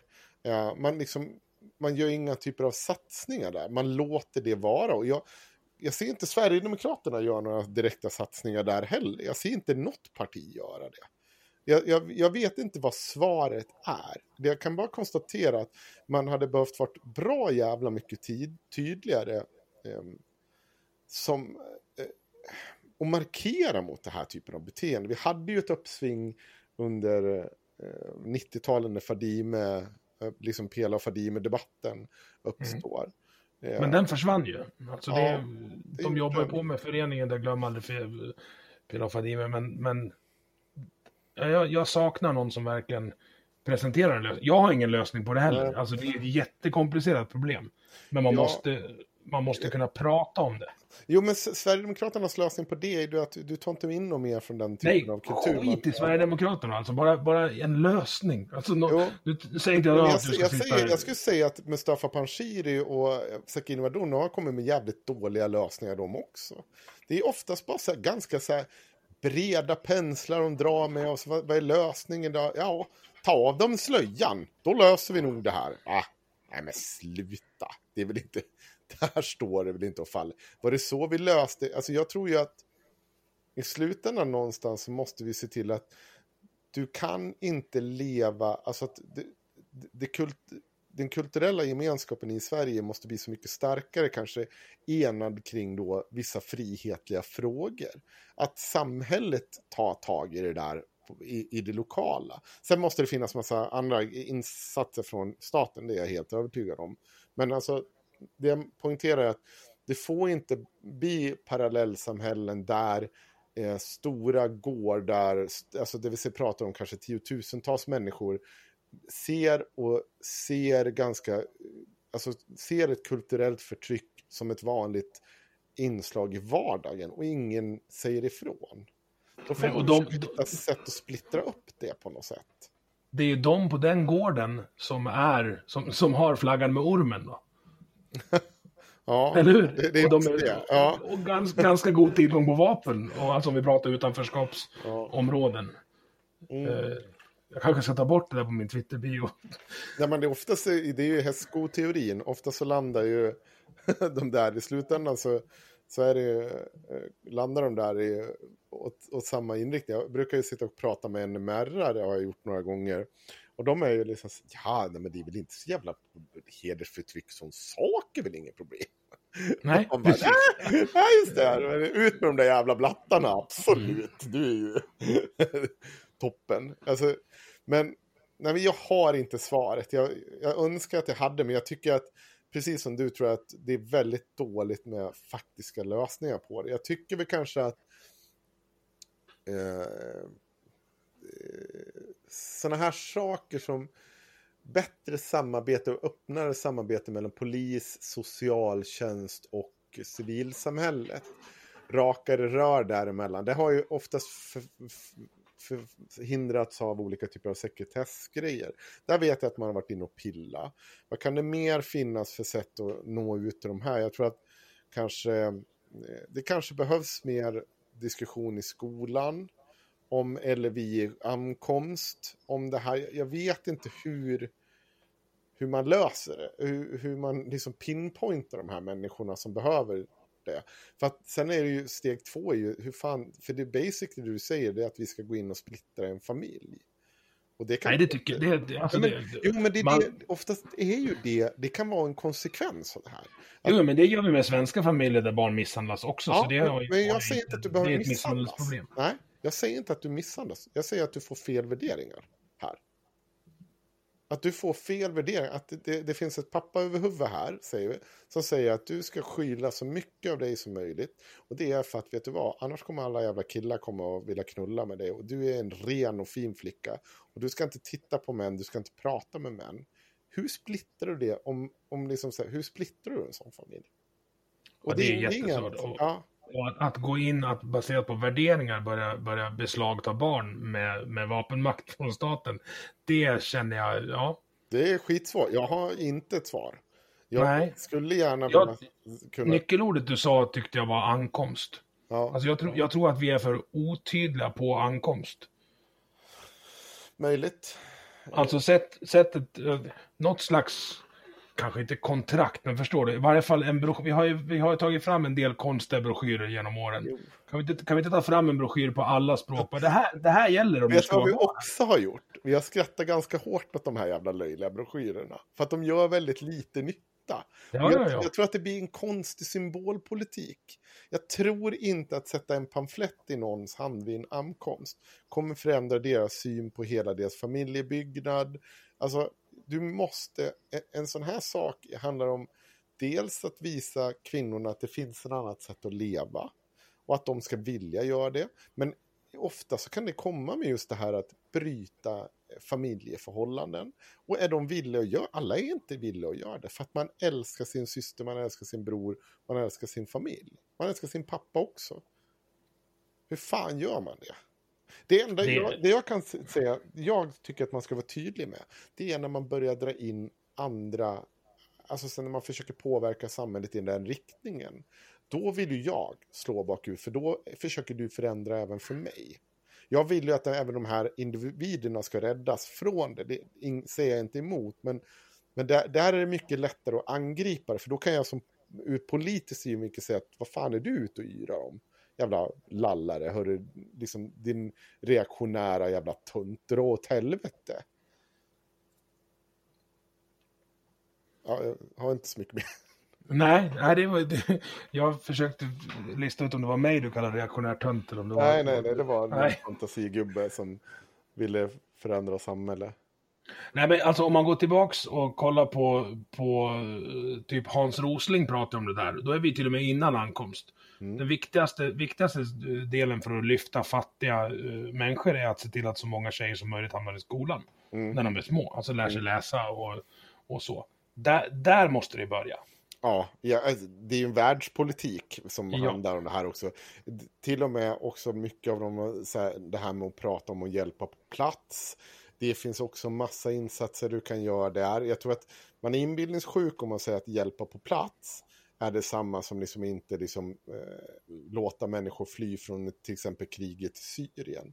Jag tror att det, det, finns så mycket andra förebyggande saker som världssamhället måste göra mot länder som är auktoritära eller är, hela tiden är på liksom the brink of war där redan i så fall ska insatserna sitta. Inte mm. liksom mm. sitta och, när väl liksom skotten har börjat fallit, kemiska vapen har börjat, då sitta och grina över att men vi ska hjälpa folk på plats eller i närområden och jävla bo i något tält i tio år. Det är inte liksom... Nej, men det går, det går ju inte. Nej. Och likadant jävla Dublinfördraget. alltså det är ju EU som har dränkt ungarna i Medelhavet. Ja, och framförallt så har de sett till att våra yttre liksom, gräns har hamnat i skiten på ett jävla märkligt sätt. Där, så här, också en grej så här, hela EU ska ta ansvar för det här. Det är inget ja. och det innefattar att Sverige förmodligen ska ta emot färre. Men det innefattar också att det är jävla massa länder som ska ta emot mer. Mm. och det måste, här. jag är ingen federalist som du, som du säkert har förstått, men just, just eh, migrationskrisen där, eh, 2014-15, mm. eh, när, när Sverige har helt andra villkor än resten av EU och danskarna och holländarna, de bara står och blundar. Vi har inte sett några invandrare. Vi har ingen aning om hur de hamnar på Öresundsbron. Nej. Alltså det är så jävla dumt så det, så det finns. Och där måste jag väl ifrågasätta vår, vår regerings statsmannamässighet eller vad man ska säga. Det var, det var inte så jävla smart agerat. Nej, han... Jag säger inte att vi gjorde fel. Jag tycker att vi gjorde rätt. Jag tycker till och med att vi, att vi kanske var, var dåliga på att sälja in varför vi gjorde rätt. Alltså du har den här, var det Sandviken-utredningen, vi kommer tjäna miljarder på, på att, att ta emot de här. Det fattar vem som helst att det kommer vi inte göra. Det här är ju en kostnad. Men vi tar inte emot folk för att det ska vara ekonomiskt. Du kan inte sälja in det här med att ja, men vi, ska, vi ska rädda välfärdsarbete med, med att plocka in så här. De här springer ur bombade hus. Ja. Det är klart vi ska hjälpa dem. Ja, det kommer få kosta lite och när de kommer hit så kan det kanske till och med får bli lite stökigt för att det är ganska många PTSD-människor här som liksom har sett sina föräldrar, syskon och kompisar dö de mår inte bra, vi måste, vi måste hjälpa till här. Men mm. säg det då, kom inte dragande med att vi ska liksom Nej, det är ekonomiska skäl att ta emot invandring för det. Det håller jag, jag håller med dig. Det, det är inte, jag sa det samma för att det är också en grej så här, som sosse. Så har jag ju problem för att jag har ju aldrig, alltid varit emot den öppna och fria arbetskraftsinvandringen på det sättet som, som man har genomfört. Att man har tagit bort olika typer av instanser för att se, se om det är ett bristyrke eller inte. Nu har vi till viss del också i, i, inom EU har vi ju fri rörlighet och, och det. Ja, men där finns det ju konflikter för mig. Det är inte jag står bakom någon typ av fri invandring till Sverige, utan där ska det vara kontrollerat och greja. Och det rörs oftast ihop med att jag skulle ha någon annan, att min, min inställning till asylinvandring. Men det är, ja. Det är, det är två helt skilda saker. Jag tycker, ja. inte, jag tycker inte det är tydligt heller i debatten. Och Nej. den, den otydligheten, gissa vilka som är de enda som tjänar på det? Ja, det är möjligtvis Sverigedemokraterna då. Ja, Men, men du, vet du vad? Jag måste börja gå in och göra mig ordning. Klockan är Ja. 20 över 10 ser jag. Jag måste fan ha en nattmacka och försöka somna i tid idag. är du övertygad om att du inte varit med i NMRs nya informationssatsning? Ja, då har ni varit en väldigt dåliga på det i så fall. Ja, jag är en dålig nazist, det kan jag ta. För Du- du... alldeles för lite snack om judarna, tycker jag. Ja, hur fan kunde jag glömma dem? Det måste... Nej, men jag pratar om judarna, det är bara, det är bara Zencaster klippte bort det. Det är Soros. Ja, Det, ja. Nej, eh, vi kanske får prata igen om konspirationsteorier. ja. Vad göra. bedömer du oddsen är att Axel kommer kalla mig för horunge i podden? Absolut, han kommer inte göra det för han kommer inte orka lyssna på det här. Axel, du är en kulturarbetare. Ja, det, om du... Tack för att du startade Inte Rasismen och lycka till eh, med din, din eh, Vovlol med Twin Axe i natt. Ja. Det blir bra. Nu ka- kanske lite lägre odds på att jag blir kallad nu. Du, tack för att jag fick sno två timmar av dig. Det är lugnt. Tack själv. Du har lyssnat på Vi måste prata som produceras av mig, Emil Nilsson. Tycker du om det du hörde? Dela avsnittet med dina vänner och på sociala medier. Vill du stötta podden kan du göra det via Patreon där du hittar den på patreon.com snedstreck vi måste prata i ett ord. Eller så swishar du en slant till nummer 123 671 46 79. Vi hörs!